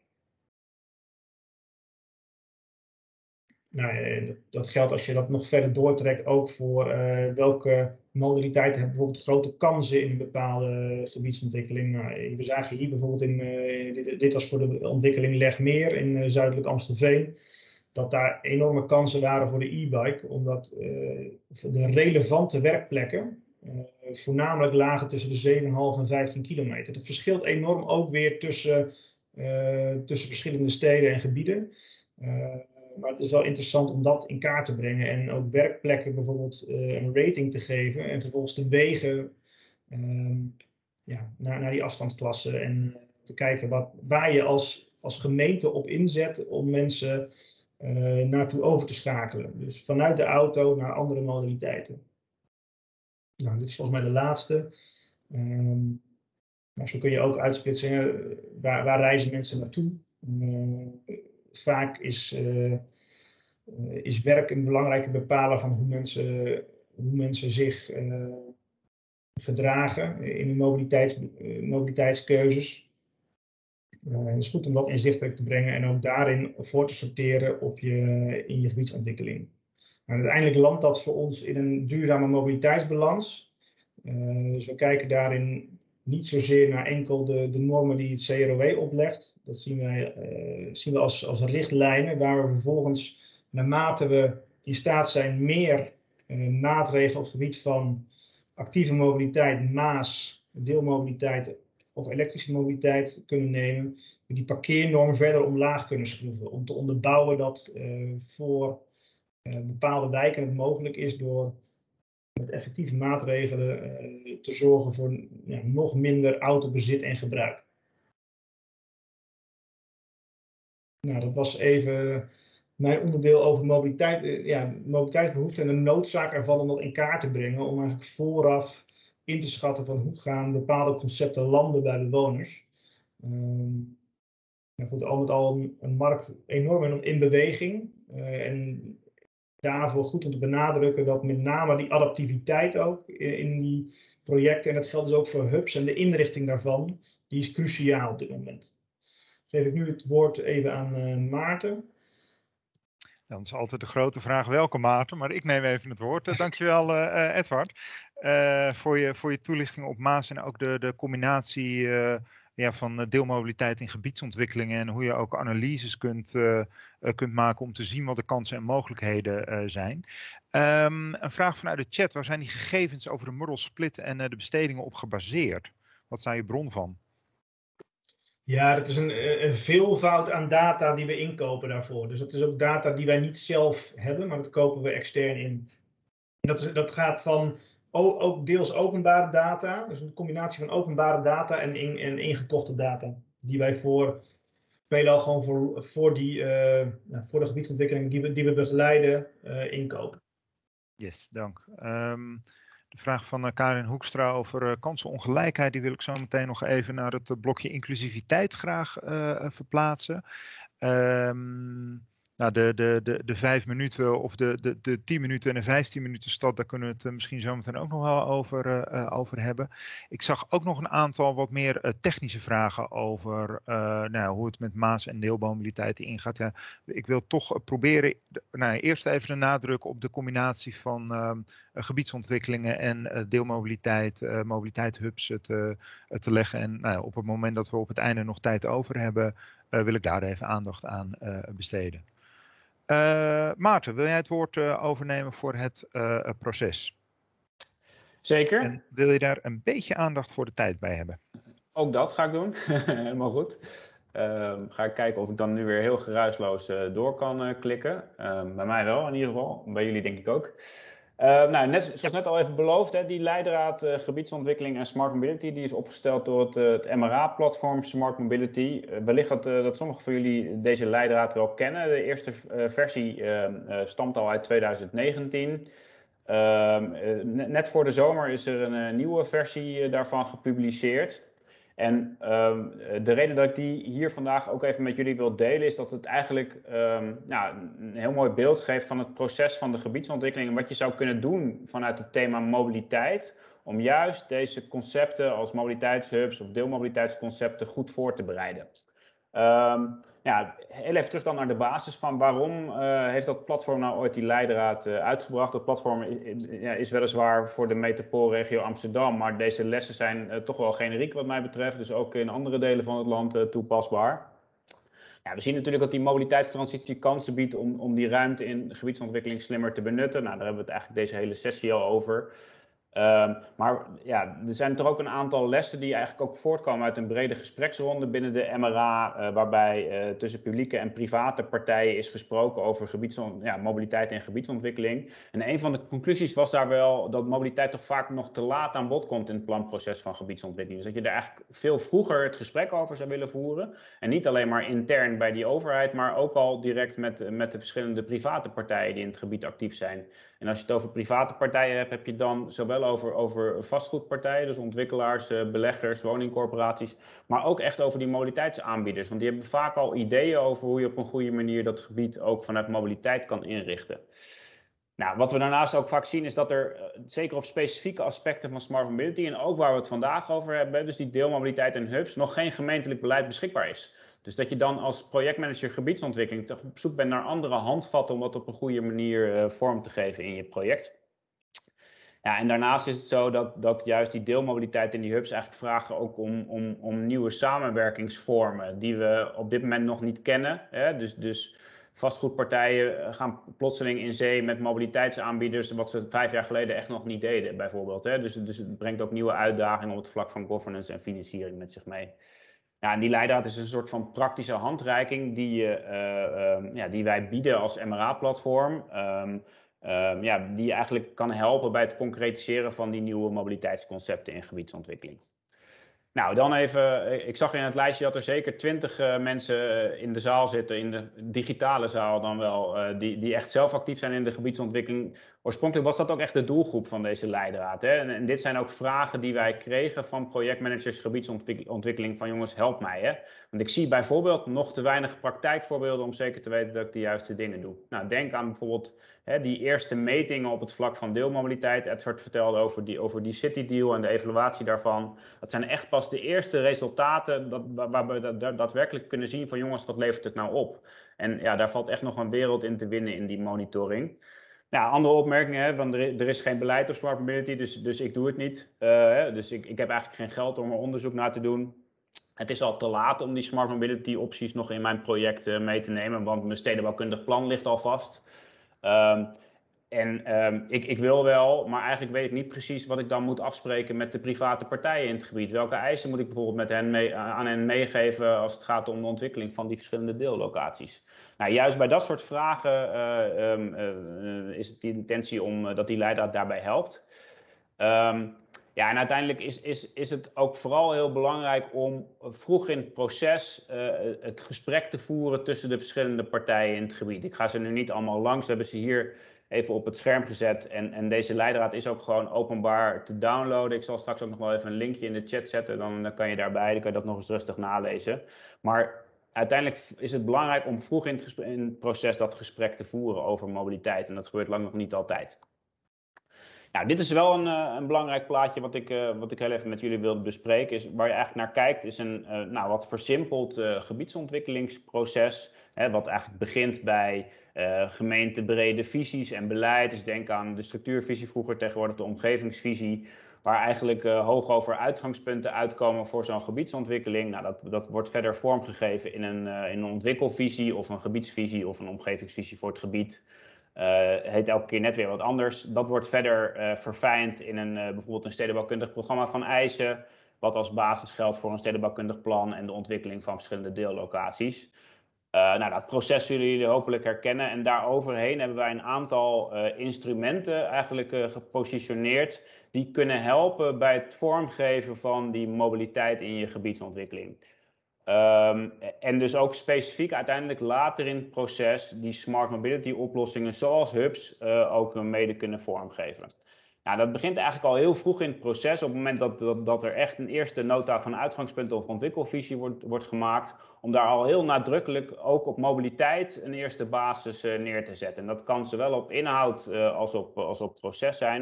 Dus we kunnen ons ook heel goed voorstellen dat je daar bepaalde afspraken ook in vastlegt, hoe je verder met de mobiliteit in het gebied wilt omgaan. Nou, tweede stap is het uh, mobiliteitsprogramma van eisen. Kom ik zo meteen nog iets uitgebreider op terug. Maar dat is eigenlijk een verfijning van die visie in concrete eisen, wensen en randvoorwaarden voor het gebied. Um, als je die eenmaal hebt, dan heb je een, een bestaand ruimtelijk kader. Um, uh, dan komen ook wat meer die organisatievragen aan bod, bijvoorbeeld van mobiliteitshubs. Um, wat wij bieden in, in, de, in, deze leidraad is een soort van routekaart die je uh, door zo'n mobiliteitsconcept kan leiden. Daar kom ik ook zo meteen op terug. En uiteindelijk uh, kom je op de laatste stappen eigenlijk richting, uh, richting realisatie. Dat hebben we hier het exploitatieplan mobiliteit genoemd. Nou, dat is misschien echt nog wel iets heel nieuws. Uh, waarin je eigenlijk de, de, ehm, de definitieve afspraken tussen de partijen eh, gaat vastleggen. En daadwerkelijk wilt gaan zorgen dat bij de oplevering van de eerste woning ook daadwerkelijk die deelmobiliteit beschikbaar is. En dat die hub ook opgeleverd wordt uiteindelijk wil je tijdens de realisatie en exploitatie natuurlijk ook heel bewust gaan monitoren. Nou, Edward benadrukte net het belang van die flexibiliteit en die adaptiviteit. Uh, dus, dus ook daar um, ja, voorzien we gewoon dat het belangrijk is om, om dan ook echt vinger aan de pols te houden. Nou, even twee dingen nader uitlichten. Allereerst dat mobiliteitsprogramma van eisen. Um, dit zijn eigenlijk de, de thema's die daarin aan bod komen. Um, en um, wat, je eigenlijk vooral, wat dit vooral zegt, is dat je eigenlijk heel integraal naar de mobiliteit wil kijken. om eigenlijk ook die smart mobility toepassingen goed te kunnen voorbereiden. Want hè, denk aan deelmobiliteit en hubs, die, relateren natuurlijk heel sterk aan de parkeernormen van de auto. Hè, maar, ook misschien wel aan, uh, aan energievraagstukken rondom laadinfrastructuur. Dus eigenlijk wil je in dat MPVE al al die verschillende thema's uh, even langslopen. Nou, daarbij kan het gaan om, uh, om nabijheid van voorzieningen en arbeidsplaatsen. Dat ging net in de chat al even over die 10 minuten stad. Dat is wat hier heel nadrukkelijk bij hoort. Hè. Het voorkomen van mobiliteit. eerste stap van die trias mobilica die Edvard liet zien. Um, nou, vervolgens, nou, hoe ga je om met actieve mobiliteit? Dat wil je zo goed mogelijk uh, stimuleren. Dus denk ook even aan de Theems-sequentie die, die Edvard liet zien openbaar vervoer um, uh, en, en Maas, hè, dus de Maas- en deelmobiliteit. Uh, uiteindelijk gaat het natuurlijk ook nog steeds over de auto en over de parkeeropgave en de benodigde infrastructuur daarvoor. Ja, logistiek, ook die zat al in dat Theems. Um, Zero-emissie en late infrastructuur, dus de energiecomponent. En toch ook misschien wel een beetje de, de, de echte datakant en de digitaliseringskant die ook op ons afkomt. Hè. Daar hoort misschien ook wel Maas bij. Maar ook wel, de, de, je ziet de eerste, op, de eerste ontwikkelingen rondom flexibel gebruik van openbare ruimte met behulp van een digitale laag bijvoorbeeld langzamerhand ook ontstaan. Is misschien nu nog niet heel concreet voor gebiedsontwikkeling, maar, maar voor de toekomst uh, wel degelijk ook een thema. Nou, dit is dan een, nog een, uh, even een, volledige lijst. Ook hierbij verwijs ik graag even naar die, uh, naar die leidraad. Er is ook een korte brochure van beschikbaar, dan kan je dat eens rustig nalezen. Maar ook in het kader van de tijd ga ik dat nu niet allemaal doornemen. Um, want waar ik wel wat meer tijd voor wilde nemen, is, is eigenlijk deze, deze routekaart die wij als onderdeel van die leidraad ontwikkeld hebben. En dat is eigenlijk een, een soort van stappenplan waarin je als uh, projectmanager van de gebiedsontwikkeling of als uh, mobiliteitsadviseur van de gebiedsontwikkeling of misschien wel ja, als, als ontwikkelaar zelf, hè, we, um, eigenlijk langs de verschillende stappen of keuzes wordt geleid die op je pad komen bij de ontwikkeling van mobiliteitshubs. Nou, dat begint uh, in eerste instantie bij een, bij een brede eerste stap, waarbij je eigenlijk alle ingrediënten van zo'n mobiliteitsconcept aan het verzamelen bent. Dat gaat allereerst om het bepalen van het mobiliteitsaanbod wat je uh, in je gebied wil uh, realiseren. Daar hoort ook bijvoorbeeld die data-analyse bij, hè, die Edward zojuist toelichtte. Het gaat ook over het schaalniveau van je aanbod. Um, wat wij veel zien is dat, er, uh, dat het gaat over bijvoorbeeld één enkele mobiliteitshub binnen een gebied. Wat wij graag zien is dat het, dat het meer echt een, een overkoepelende gebiedsgerichte aanpak wordt, waarin je nadenkt over van wat kunnen, uh, kan er in private voorzieningen worden aangeboden. Hè? Dus, dus wat kan eventueel ook uh, uh, binnen de deellocaties worden meegenomen? Wat kan je doen in de openbare ruimte? En waar wil je dan eventueel bijvoorbeeld ook nog specifieke hubs gaan ontwikkelen? Dus een totaalconcept. Nou, als qua schaalniveau is het dan ook nog relevant om te kijken of er een verbinding wenselijk of noodzakelijk is met bijvoorbeeld ander aanbod van deelmobiliteit in de omgeving, hè, om uiteindelijk te komen tot een uitwisselbaar systeem wellicht. Nou, het ruimtelijk concept is natuurlijk van belang. Hè. Is er wellicht vastgoedontwikkeling nodig of kan het op een andere manier worden opgelost? Energie is een heel belangrijk thema. Uh, uh, natuurlijk zeer, ook, zeer actueel, hè, gezien de impact op energienet, ook van gebiedsontwikkelingen wel. Hè. Dus je kan je goed voorstellen dat mobiliteitshubs uh, toch wel een sterke impact kunnen hebben door de, de behoefte aan laadinfrastructuur. Uh, dat zou je ook heel goed kunnen beperken door bijvoorbeeld zelf op de locatie ook op te wekken en wellicht ook te bufferen met behulp van batterijen. Zaken als smart charging in te zetten. Uh, nou, ik ga er niet in hoog detail doorheen, maar het zijn in ieder geval aspecten, vragen die je zelf zou moeten stellen bij de ontwikkeling van, uh, van zo'n mobiliteitshub of een netwerk van hubs. En uiteindelijk is het ook van belang om deze eerste stap al meteen te beginnen met rekenen in de vorm van een business case. Om ook te kijken van nou, welke impact al die keuzes die je maakt ook hebben op de, op de, nou, de financiën uh, onder de streep. Nou, vervolgens op basis van, van, al die ingrediënten ontstaat er ook een, een logisch palet aan stakeholders uh, die je wil gaan, uh, wil gaan betrekken in dat traject. En uh, is het ook zaak om, nou ja, even vanuit het oogpunt van de gemeente, ook een keuze te maken van wat je eigen rolopvatting daar eigenlijk bij is. Hè? zie je veel gemeentes ook wel mee worstelen. Is ook een beetje enerzijds de wens om misschien wel regie te houden op dat mobiliteitsaanbod in de wijk. Maar dan wel met als bijbehorende vraag of je ook uh, uh, dat financieel kan trekken, zeg maar. Hè? Dus, dus eigenlijk regie versus, versus ja, financiën. Um, alternatief is om het zo, zoveel mogelijk als gemeente aan betrokken marktpartijen te laten, waar ook veel voor valt te zeggen. Maar wat betekent dat voor de lange termijn voor de mobiliteit in de wijk? Dus dat is dan een bijkomend vraagstuk. En wat je op een aantal plekken uh, in het land al ziet, uh, nou, uh, bijvoorbeeld in Merwede Kanaalzone is daar een heel goed voorbeeld van, waar Edward ook actief is, is dat je eigenlijk publiek-private samenwerkingen ziet ontstaan om een, nou, echt een gebiedsdekkend systeem van, van hubs en deelmobiliteit te organiseren. Nou, die, verschillende partijen die vervolgens die, die, aan boord zijn, ehm, ja, hebben eigenlijk een aantal rollen te verdelen. Ehm, allereerst heb je natuurlijk gewoon de, de, primaire faciliterende rol van de gemeente, die zal altijd bij de gemeente zelf liggen. Maar bijvoorbeeld, ja, wie is eigenlijk eigendom van de grond en het benodigde vastgoed? dat, is, dat is al een, een vraagstuk op zich. Um, doe je dat als overheid zelf of, of, of, laat je dat aan de markt? Dat is ook afhankelijk van natuurlijk het startpunt van wie heeft eigenlijk de grondpositie in het gebied. Um, wie gaat het parkeren exporteren? Er zijn ook verschillende opties en mogelijk. Nou, er werd in de chat net ook al even gevraagd, dat vond ik wel, wel interessant, naar een soort van wie, wie houdt eigenlijk het overzicht over die mobiliteit in zo'n gebied? Dat hebben we in dit overzicht de mobiliteitsregisseur genoemd. Hè? Ook daarbij kan je weer denken van ja, is dat een rol die door een private partij moet worden ingevuld of wil je dat als, als, als gemeente in dit geval zelf doen? Ehm, nou, je wil natuurlijk uiteindelijk je, je, aanbieders van deelmobiliteit werven. En het is ook zaak uh, nou, na te denken hoe je je verhoudt tot die Maas-platforms, waar Edvard ook uh, zojuist over vertelde. Hè? Dus, dus, welke eisen wil je misschien wel meegeven aan die aanbieders van deelmobiliteit die, met wie je in zee gaat over de koppelbaarheid met die Maas-platforms? Nou, dan komen we in hele technische termen. Uh, denk aan TOMP API voor de experts hier aan tafel. Ehm, maar in ieder geval, dus dat is wel een belangrijke vraag om je te stellen. Van, eh, ja, wil je dat als verplichting bijvoorbeeld meegeven aan die aanbieders die in je gebied actief zijn? Nou, uiteindelijk op het moment dat je, dat je die rollen hebt verdeeld, ontstaat er uh, uiteindelijk ook een, een, een, logische bijpassende organisatievorm. En die moet je natuurlijk publiekrechtelijk en privaatrechtelijk gaan afhechten in het proces.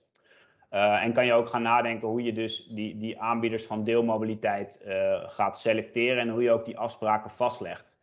Um, nou, op dit moment zien we bijvoorbeeld, dus vertelde ik net al wat over, over de openbare ruimte. Uh, heb, je in, ja, heb je de parkeerverordening en de APV waar je licht wat afspraken over kan maken. En dan met behulp van ontheffingen, vergunningen, eventueel zelfs concessies afspraken kunnen vastleggen.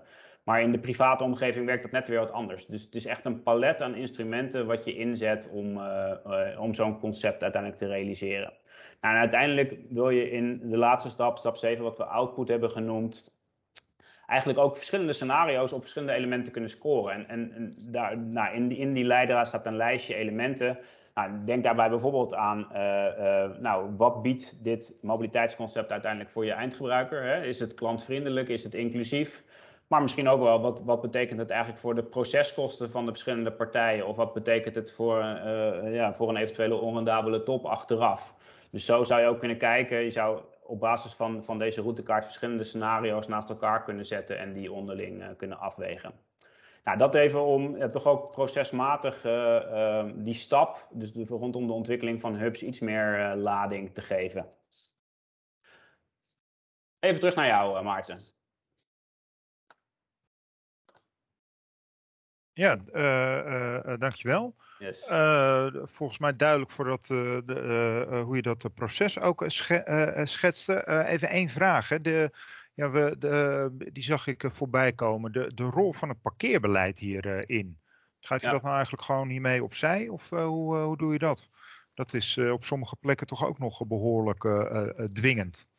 Ja, nou dat is inderdaad, je merkt dat dat in de praktijkcases, hè, dus het mobiliteitsprogramma van IJzer waar ik over vertelde, is nu op verschillende plekken ook in de MRA uitgevoerd. We hebben daar inmiddels, uh, gaan we aan de vijfde uh, praktijkcasus uh, langzamerhand beginnen. En dan zie je ook wel dat er ook een discussie ontstaat van, ja, gaan we ons één op één aan het gemeentelijk beleid houden? En dan kom je ook wel bij het vraagstuk van hoe oud is dat gemeentelijk beleid eigenlijk? Hè? Van, zit daar al Zitten daar al bepaalde ambities op het vlak van, eh, van duurzame mobiliteit in verweven? Of heb je eigenlijk gewoon nog best wel traditioneel parkeerbeleid?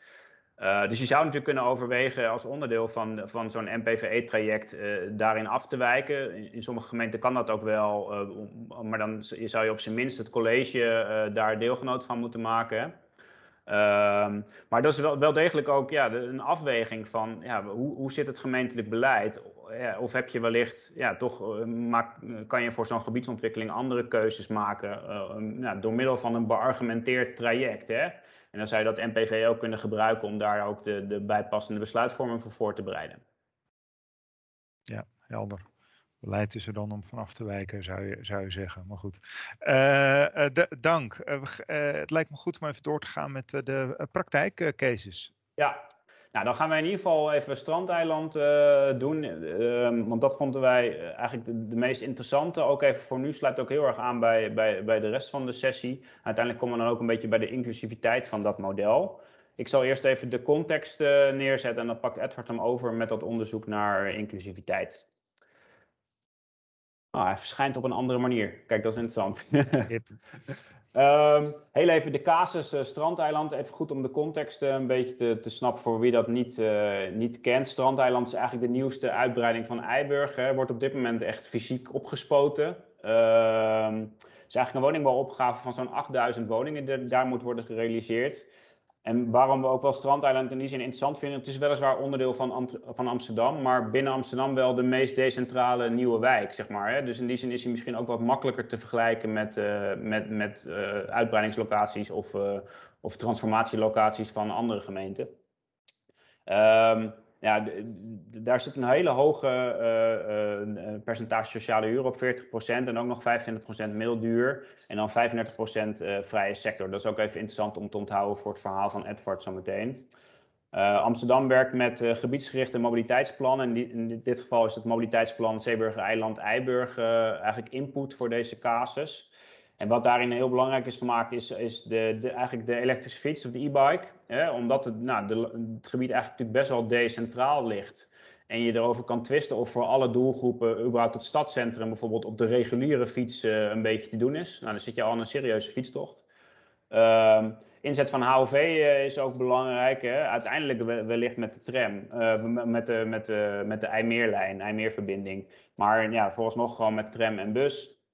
Uh, en uiteindelijk zal ook uh, Strandeiland echt nog wel een, een significant deel auto uh, krijgen. Wat interessant is in het Amsterdamse parkeerbeleid is dat de, parkeernorm voor, de minimum parkeernorm voor sociale en middeldure huur echt helemaal op nul staat. Dus, dus partijen kunnen ervoor kiezen om nul parkeerplaatsen voor, voor deze doelgroepen te realiseren. Vrije sector heeft wel een minimumnorm van 0,6. En voor alle groepen geldt eigenlijk dat, dat er een maximale parkeernorm van 1,0 is. Dus dat is een beetje het spectrum waar je aan moet denken. Daarbovenop komt er nog een bezoekersparkeernorm van 0,1. Um, nou, op veel plekken in Amsterdam wordt, moet die straks al inpandig worden gerealiseerd. Denk aan bijvoorbeeld Havenstad. Maar in Strandeiland uh, gebeurt dat nog wel steeds in de openbare ruimte. Nou, dat even de introductie van de casus. Um, voor Strandeiland is eigenlijk in uh, zo'n twee, drie jaar geleden door Postad Maxwell en Arcades onderzoek gedaan naar hoe kunnen we nou die, ja, die duurzame mobiliteitsbehoeften invullen uh, voor Strandeiland. Edward zei er net al wat over. Uiteindelijk is daar een concept uitgekomen met 20 tot 25 hubs uh, binnen het gebied. Um, die allemaal maximaal op een loopafstand van 200 meter van de verschillende woningen zitten. Dus dat moet echt een, ja, een soort systeem worden. Maar dat betekent ook dat er, um, uh, dat er alleen in die hubs gaat worden geparkeerd. Uh, dus dat je niet uh, automatisch een parkeervoorziening onder je woning hebt of zo. daarnaast zijn er ook plannen voor één centrale wijkhub in het gebied, die nog wat grootschaliger is en die dus ook wat meer variatie kan bieden. Nou, in 2020 is er door het projectteam ook nog een marktverkenning uitgevoerd met, met, met vastgoedpartijen en mobiliteitspartijen. En uiteindelijk wordt daar gekozen voor een, voor een concept waar eigenlijk uh, die, die hubs door private partijen uh, gaan worden ontwikkeld. Um, dus worden eigenlijk meegenomen in de tenders van Bouwveld. Nou, er wordt op dit moment gewerkt aan de voorbereiding van die eerste tender uh, daarvoor waarin uh, uiteindelijk specifieke eisen zullen komen over de toepassing van, uh, van deelmobiliteit. Het is eigenlijk een van de eerste keren dat Amsterdam dat zo, zo concreet gaat doen. Ehm, ja, dat betekent dat in die hubs, dat zijn eigenlijk een beetje volgens die definitie van Amsterdam, als je even teruggaat naar het begin van het verhaal, privéhubs zullen zijn, hè, waarbij nou ja, de rol van de gemeente dus eigenlijk ook beperkt is. Uh, waarbij marktpartijen daar zelf keuzes in kunnen maken en waarbij wel wordt gestimuleerd dat er bijvoorbeeld ook coöperatieve modellen kunnen worden ingezet, waarbij groepen bewoners bijvoorbeeld zelf uh, deelmobiliteit kunnen exporteren. Nou, uiteindelijk is die, die, flexibiliteit en ook die multifunctionaliteit is daar ook, wordt ook ja, als belangrijke items meegegeven in de eerste bouwenvelop. Nou, en wat je ziet is dat naast die private hubs dus ook wordt gebouwd aan een publiek systeem van deelmobiliteit. Dus eigenlijk twee verschillende parallele systemen naast elkaar. Waarbij er ook gewoon in de openbare ruimte deelmobiliteit uh, gaat worden toegestaan. Uh, een beetje conform de, de stadsbrede afspraken die er nu al zijn. En er wordt dus ook nog gewerkt aan een wijkup, uh, wat nog, waar nog geen definitieve keuzes over zijn gemaakt, maar waar, waar, nou, waar in ieder geval de mogelijkheid nog open staat dat de gemeente die zelf gaat ontwikkelen en exploiteren. Nou, een aantal belangrijke vraagstukken, of eigenlijk ook een beetje nou, aandachtspunten die wellicht in jullie werk ook gaan terugkomen is allereerst van, nou, stel je wil um, um, wat eisen gaan meegeven over de langjarige toepassing van deelmobiliteit. Hoe kan je dat dan ook borgen? Kijk, een, een bouwenvelop gaat over het moment van oplevering en niemand garandeert je dat na vijf of tien jaar ook nog staat. Nou, Amsterdam heeft eventueel nog de, de erfpachtakte. Dat wordt nu onderzocht om te kijken of, of daar wat afspraken in kunnen worden opgenomen om toch ook nou, op de lange termijn het aanbod aan deelmobiliteit te verzekeren. Nou, daarnaast is het natuurlijk van belang, van, er liggen al allerlei afspraken, bijvoorbeeld vanuit het gebruik van de openbare ruimte met aanbieders van deelmobiliteit. Hoe sluit je daar als gebiedsontwikkeling op aan? Hè? Dus hoe zorg je dat dat aanbod ook op het juiste moment beschikbaar is? Um, nou, er komt weer die, die, die mobiliteitsregisseur terug. Hè? Dus wie houdt straks eigenlijk het overzicht over dat publieke en private systeem van deelmobiliteit en hoe je daarop kan bijsturen en hoe je op het juiste moment kan meebewegen met de vraag? Wiens verantwoordelijkheid is dat? En uiteindelijk ook inclusiviteit. Hè? Dus, dus hoe zorg je dat ook voor die grote sociale uh, doelgroep in de wijk dit ook echt een goed alternatief is, een betaalbaar alternatief, um, ja, wat ook echt door hen gebruikt gaat worden. En daar gaat uh, Edvard hem weer even overpakken van mij. Ben je nog wakker, Edvard? Je staat op mute. Uh. ik moest de controle even overnemen. Nou, kijk, um, inderdaad. Edward, kun je het in uh, vijf minuten doen? Ja, ga ik uh, proberen. Zeker. Dus wat, wat Maarten al zei, uh, groot aandeel sociale huurwoningen op Strandeiland. En nou, eigenlijk de, een paar van de grote woningcorporaties die daar woningen ontwikkelen, IJmere, Alliantie en Stadgenoot, hebben ons gevraagd om, om eigenlijk een toetsing te doen op dat ambitieuze mobiliteitsplan dat is opgesteld. En of dat qua uh, sociale huurders haalbaar is uh, wat betreft hun mobiliteitsbehoeften en ook uh, de betaalbaarheid van de plannen. Ehm, nou, en daar hebben we vorig jaar onderzoek naar gedaan. Ehm, kijken. Oh, ik heb nog geen control, Maarten. Ja, en eigenlijk hebben we daar een in de start eenzelfde soort onderzoek gedaan als dat ik net liet zien eh, voor. Dus daar zal ik even snel doorheen gaan. Maar daarna ook nog wat, uh, wat extra onderzoek om ook de potentie in de toekomst van deelmobiliteit en ook elektrische mobiliteit uh, te laten zien. Maar wat Maarten nog niet verteld had, is dat het ook een zero-emissie wijk moet worden. Dus dat ook de voertuigen geparkeerd in de, in de hub, ook de privévoertuigen, uh, zero-emissie dienen te zijn. Dus dat betekent ook wat voor inclusiviteit en betaalbaarheid voor bijvoorbeeld de sociale huurders. Dat is iets waar de corporaties zorgen over maken. Um, nou, we hebben, ook daar zijn we gestart met het in beeld brengen van, uh, van die mobiliteit van, uh, van de huurders nu. Dat hebben we, we hebben daar veel data van ingekocht, met name ook van, van Eiburg en een aantal omliggende wijken.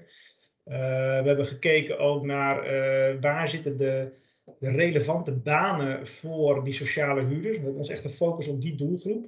En die zie je hier in dit kaartje uh, in de, ja, op, de, op de, zwarte, de zwarte vlekken.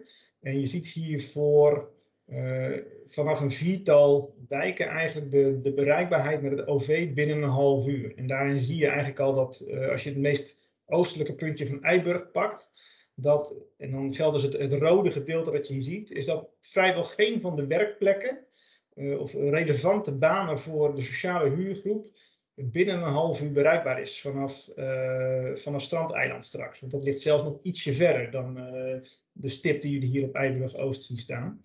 Um, en er, komt daar, er, komt, komt daar een verlenging van de, van de tram en er komen busbanen, maar het is wel, wel een zorg. Uh, want het duurt alleen al uh, een half uur om op Centraal Station te komen. Uh, we hebben gekeken hoe dit ook verschilt, die bereikbaarheid van die banen tussen de verschillende modaliteiten en, en, en de wijken. Daarin zie je dat met de auto de verschillen niet heel zijn. Maar als je kijkt naar andere modaliteiten, kun je even doorklikken. Is dat, ehm, dat je ziet dat daar wel enorme verschillen zijn. Het OV die je net zag en ook de fiets, de bereikbaarheid veel slechter is dan vanuit andere wijken. Nou, dat is wel een punt van zorg. En dan, als je eentje teruggaat, Maarten, dan zie je wat, wat Maarten al zei, de e-bike. Daar hebben, we ook, dat hebben we ook in kaart gebracht. Daarin zie je dat eigenlijk de e-bike de modaliteit is die de bereikbaarheid van banen ook tussen de wijken enorm nivelleert.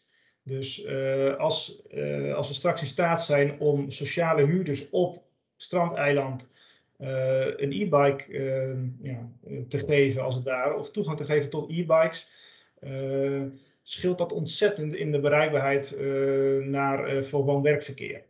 Dus het is een belangrijk, belangrijk iets om mee te nemen. Als we dan kijken naar de, weer die mobiliteitskosten, die hebben we ook daar in beeld gebracht. die verschilt iets van, van Amstelveen, die ik net liet zien. Maar ook hier zie je dat als je kijkt naar de kosten per reizigerskilometer in de auto, helemaal als je kijkt naar ook bestuurderskilometers, dus als mensen zelf in die auto zitten, dan ligt het op de 18, 19 cent. Ja, en dat, dat is nogal een verschil als je die mensen uiteindelijk voor hun woon-werkverkeer van deelmobiliteit gebruik wil laten maken. Dat geldt ook als je het vergelijkt met OV. En dan uh, nogmaals het kaartje wat betreft die eh, bestedingen. Daar zie je ook dat enorm oplopen. Hè, van, als je kijkt naar, dit is SEC, alle, alle huishoudens van Eiburg.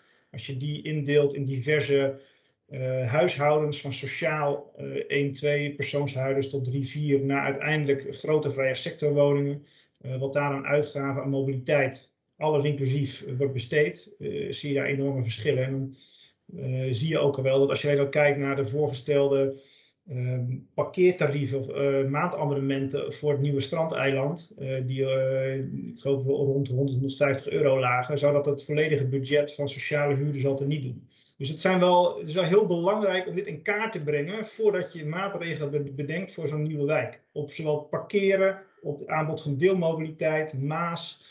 Uh, en in het verleden is, dat, is dit vaak niet in kaart gebracht. Was natuurlijk ook minder nodig, want we legden gewoon parkeerplaatsen aan was het. Uh, maar er is nu veel meer inzicht nodig in hoe mensen zich willen gedragen straks. En ook om daarin goed te sturen. Nou, vervolgens hebben we ook in kaart gebracht van wat heb je nu nodig straks uh, aan, aan, deelmobiliteit en wat gaan, hoe ontwikkelen, ontwikkelen zich die kosten per kilometer in de toekomst. Nou, daar hebben we business cases voor opgesteld. Je kan even doorklikken, Maarten, en dan wordt dat wat duidelijker. En wat eh, onder mogelijke bezettingsgraden die haalbaar zijn en de, afnamende, de, de afnemende kosten van elektrische voertuigen in de toekomst, uh, wordt duidelijk wat, uh, nou, wat er aan bezettingsgraad nodig is en wat er dan aan kosten per kilometer gerekend kan worden richting bewoners. Dat is wel cruciaal om te weten, want je wil, je wil inzicht hebben over vijf jaar als die wijk er staat wat, wat er dan aan proposities richting bewoners aangeboden kan worden. En dat is, ja, dat is nu nog vaak een abonnement plus een kosten per kilometer, maar dat alles inclusief, uh, daarvan wil je weten en, inzichtelijk hebben van wat, wat gaat bewoners dat nou kosten in de toekomst. Uh, nou goed, dat hebben we op die manier in kaart gebracht. Uh, je ziet nu dat verschillende bezettingsgraden in de markt, zie je sterk verschillen van dat, dat, dat, dat, is uh, het verschil perifeer naar, naar hoofdstedelijk, maar ook hoe bepaalde concepten zijn ingericht. Uh, hier voorbeeld van, uh, van Waterland bijvoorbeeld, dat bepaald niet hoofdstedelijk is, maar wel enorm hoge bezettingsgraad haalt. Door echt, echte community denken daar. En daarnaast ook het drukken van de prijs door het ehm, zorgen dat de, de opgewekte stroom zorgt voor een korting per kilometer. Nou, zo'n all-in-one concept uh, werkt blijkbaar goed, want ze zijn daar in staat een enorm hoge bezettingsgraad te halen. Dat is interessant, want dat geeft informatie voor het inrichten van ook mobiliteitshubs. Nou, om hier even uh, een schatting te geven van hoe die uh, prijzen van deelmobiliteit zich gaan ontwikkelen. Die, die, gaan naar verwachting dalen. We weten niet precies hoe hard, maar dat geeft wel inzicht in waar het naartoe gaat. En het gaat richting voor, voor de, de segment A-auto's, als we het hebben over de, de Twingo gaat dat wel richting de 20 en 19 cent uh, in de komende jaren. Dus dat wordt steeds aantrekkelijker, uh, ook voor sociale huurders. Maar er blijft nog een gap over en helemaal een gat als je daar ook nog eens parkeerkosten uh, maandelijks voor moet aftikken. Of dat nou 50 euro of 125 euro is, in het kader van Meerwede Kanaalzone zelfs 200, dan doet dat nogal wat met de business case voor de deelmobiliteit aanbieder, maar ook voor de, voor de bewoners. En met name de sociale huurders, die daar toch als eerste naar kijken. Goed, het is gewoon belangrijk om dit inzichtelijk te hebben. En goed, daaruit blijkt ook wel dat we hebben daarnaast een, uh, scan gedaan op mobiliteitsarmoede. Eigenlijk naar aanleiding van de, de, onderzoeken die, ik geloof dat het CPB was, heeft gedaan in Heren en, en Utrecht. En wij hebben hetzelfde soort onderzoek gedaan. En daar blijkt ook wel dat als je kijkt naar bijvoorbeeld sociale huur in Belmer en, het huidige Eiburg, dat de kans op mobiliteitsarmoede daar veel groter nog is. Uh, en dat zal dus straks voor uh, Strandeiland ook gelden als daar geen maatregelen worden genomen. Nou goed, uh, dit is een overzicht van de belangrijkste factoren op die mobiliteitsarmoede. daar zal ik nu weer niet te veel op ingaan. er komen nog twee slides aan, twee laatste slides. Ehm, want, nou goed, belangrijk om te beseffen, wij hebben ook voor Strandeiland een advies gemaakt van welk aanbod aan mobiliteit en ook deelmobiliteit is nou nodig om wel die model shift te bewerkstelligen. Nou, en als daar het aanbod aan bijvoorbeeld lokaal OV, maar ook e-bike ehm, verbetert, dan zal, zal dat direct effect hebben op op met name de ritten tussen de 3,7 en, en 15 kilometer. Dat hebben we gezien. En als je dan een laatste slide pakt, Maarten, en die is ook wel interessant. Uh, we hebben ook een kaart gebracht daarvan. Wat doet dat met het huishoudboekje van de verschillende type huishoudens die we gemiddeld genomen zien? nou goed, dan blijkt uiteindelijk dat het, het aanbod dat is voorgesteld op, op twee, twee typen huishoudens een negatief effect heeft. op het eh, op het huishoudboekje. Nou, en ook wat, uh, wat betreft, ehm, eh, wat betreft die, het in kaart brengen van die kansenongelijkheid, iemand noemde het ook net in de chat, is dit wel belangrijk om inzichtelijk te hebben. Van wat, wat doet het mobiliteitsaanbod uiteindelijk met hoe bewoners zich kunnen, kunnen, kunnen gedragen qua, qua mobiliteitskeuzes. Um, ja, en daarin is het belangrijk om die, en die mobiliteitsbehoeften en ook die budgetten in beeld te brengen. En uiteindelijk ook te onderzoeken van wat gaat het in de toekomst kosten voor deze mensen in de nieuwe wijk. Nou, en dat, ik denk dat dit belangrijk is om uh, ook in andere gebiedsontwikkelingen beter in kaart te hebben. Met name ook voor de doelgroepen aan de onderkant van de markt. Waar we al wel zien dat in de hogere segmenten is deelmobiliteit met name als je kijkt naar tweede autobezit vervangen gewoon nu wel heel aantrekkelijk. Maar we willen juist ook die onderkant meenemen in die mobiliteitstransitie. En dan moeten we daar gewoon goed zicht. Nou, dat was mijn laatste slide. Edvard, uh, uh, dankjewel. En um, uh, Monika, wil je even je geluid uitzetten? Die, die komt nu. Of die, ja, dankjewel. Um, dankjewel hiervoor. Ook interessant om inderdaad te zien hoe je daar met de ja, verschillen van, uh, van inkomen om kunt gaan. Um, nu, nou, dat sluit misschien een beetje aan op de wat meer filosofische vraag die ook werd gesteld. Moeten we ja, altijd mobiliteit aan kunnen blijven bieden? Um, daar, nou ja, ik, ik, denk dat we daar nog wel een tijdje over door zouden kunnen gaan. Maar um, uh, uh, in Amsterdam gaf je in het begin aan, is dan een uh, beleid van, wat is het, 0,0 parkeerplaatsen voor sociale woningen. zodat er ook iets zijn om verder om te draaien. Om te zeggen, juist bij, die verkeers, bij die vervoersarmoede waar sprake is, ehm, waarbij mogelijk sprake is in de, in de sociale huur of in de sociale sector, moet je daar dan niet juist parkeerplaatsen toestaan en voor de hogere segmenten dat minder toestaan? Goeie vraag, denk ik, uh, Maarten. Zal ik hem uh, proberen op te pakken? Um, wat je ziet in Amsterdam is dat het is niet dat het niet wordt toegestaan, hè? want de maximumnorm voor parkeren is 1,0. Dus, dus, dus wat je ziet, wat gemeente Amsterdam probeert in haar beleid, is, is de verantwoordelijkheid ook neer te leggen bij de, de ontwikkelende partijen, om daar zelf eigen keuzes in te maken. Maar wat dan op het moment dat de ontwikkelende partijen besluiten aan de onderkant van die bandbreedte te gaan zitten, hè? dan kom je dus inderdaad op dit gesprek. Dus je, dat, nou, dat onderzoek waar Edward over vertelt, daar is overmorgen ook eh, voor gevraagd door de betrokken woningcorporatie daar komt inderdaad ook uit van ja, helemaal met nul parkeren, daar gaan we gewoon niet uitkomen.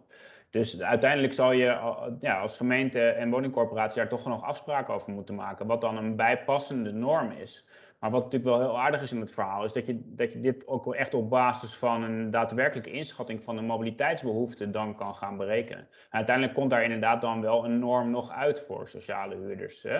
In dit geval uit onderzoek 0,2 uh, eh, uit mijn hoofd, Edward, toch? Ja.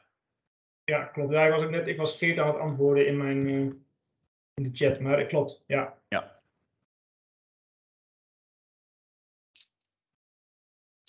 Ja, goed, dat komt ook, uh, je ziet ook dat uh, de sociale huurders hebben over het algemeen een lager autobezit al. Alleen de, de, sociale huurders die een auto hebben, die zijn vaak ook echt afhankelijk van die auto. Hè? Dus die, die werken veelal in shifts, nachtdiensten, eh, waarop geen OV gaat, op, naar plekken toe waar vrijwel geen OV is. Vaak industriegebieden, uh, bedrijventerreinen, uh, slecht bereikbaar. Dus dat is ook eigenlijk, eigenlijk de hoofdreden, wat Maarten zegt, om die parkeernorm toch omhoog bij te schroeven. Omdat, omdat je anders gewoon een groep echt uitsluit van hun uh, meest belangrijke mobiliteitsvorm, uh, toch de privéauto. Dus daar, daar moest wel wat voor veranderen. Uh, en Geert vroeg in de, in de chat voor welk huishoudboekje is het slechter. Nou, als er dus niks was veranderd, was, was het met name voor die sociale huurders, was de business case maandelijks een stuk slechter geweest. Dus het is goed dat dat is aangepast. Ja, dankjewel. Um, uh, dank jullie wel voor uh, jullie inleidingen. Uh, vijf over vijf, mooie tijd en mooi weer buiten. Dus een mooie gelegenheid om, om volgens mij af te ronden. Um, Maarten en Edward, dank voor jullie inleidingen en de, de, de, de inzichten die jullie hebben gegeven in deelmobiliteit, Maas en ook mobiliteitshubs. En uh, ik denk uh, uh, ook zeker goed om ja, te, te, te, zien wat de koppeling is met die gebiedsontwikkelingen en hoe je die, die link daarbij wat, of hoe je, hoe je die link daarbij kunt, kunt leggen. En ja, ik denk ook wel dat er uh, behoorlijk wat kansen uh, zijn om het, uh, om het autobezit te, te verminderen. dat gaat dan misschien in, in grote steden om de eerste auto en in andere gebieden wat meer om het tweede autobezit. Maar goed, ook een, een, een link denk ik die, die wel helder is wat uit jullie verhaal naar voren is gekomen. Kijk ook met name naar de relevante werkplekken en hoe het zit met de afstanden tot de relevante werkplekken en of daar ook uh, ja, mogelijkheden in zijn om uh, uh, wat in te verminderen. Want ja, ik, ik, ik denk ook, volgens mij hebben jullie dat niet zo expliciet gezegd, maar dat dat toch ook hetgene is waar mensen primair op dagelijkse basis een auto voor nodig uh, hebben. En ja, dat dat dus ook uh, de reden is voor mensen om al dan niet een eigen auto te, te willen hebben.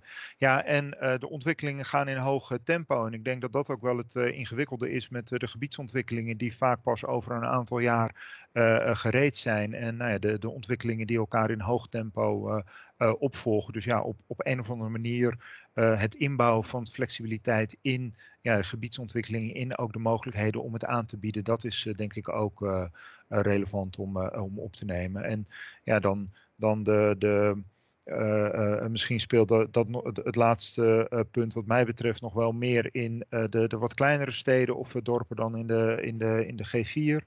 het gaat niet alleen maar om het verleiden en, en het goede aanbod, maar ook nog wel om het flankerende beleid erbij. Dus ja, ook zeg maar de, ja, de, de stok wil ik het niet meteen noemen, maar ook dat het, het niet hebben van een uh, of het niet, niet, mogelijk maken om uh, in de nabijheid te, te, parkeren, bijvoorbeeld, dat dat wel een van de uh, ja, ook kansen zijn om die mobiliteitshubs en die voorzieningen daarvan verder te, te, ondersteunen. Ja, en het is ja, duidelijk, e-mobiliteit hub, de kansen en mogelijkheden daarvoor zijn wat beperkt. Ik denk dat het ook relevant is om het te kijken hoe dat ja, verder zit met het hele mobiliteitsbeleid in een, in een stad of een regio. Ja, ik hoop ehm, uh, dat u hier weer uh, vanmiddag wat uh, wijzer mee bent geworden en hiermee ook uit de voeten kunt, zodat we in de ja, komende jaren daar ook weer een aantal verschillende nieuwe mobiliteitshubs voor voorzien. Ik zag een vraag in de chat over de mogelijkheid om de opname direct te ontvangen. dat is helaas niet mogelijk, omdat Microsoft Teams ook nog een tijdje bezig is om dat te, verwerken. Maar zodra we die hebben, zullen we dat online zetten en naar de deelnemers een link daarvan sturen.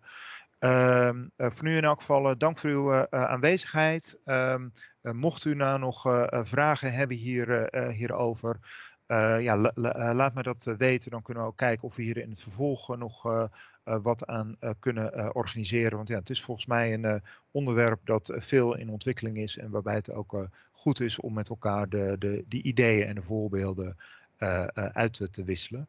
Um, dan um, wil ik u bedanken voor de aanwezigheid en nog een fijne avond. En graag tot de volgende keer.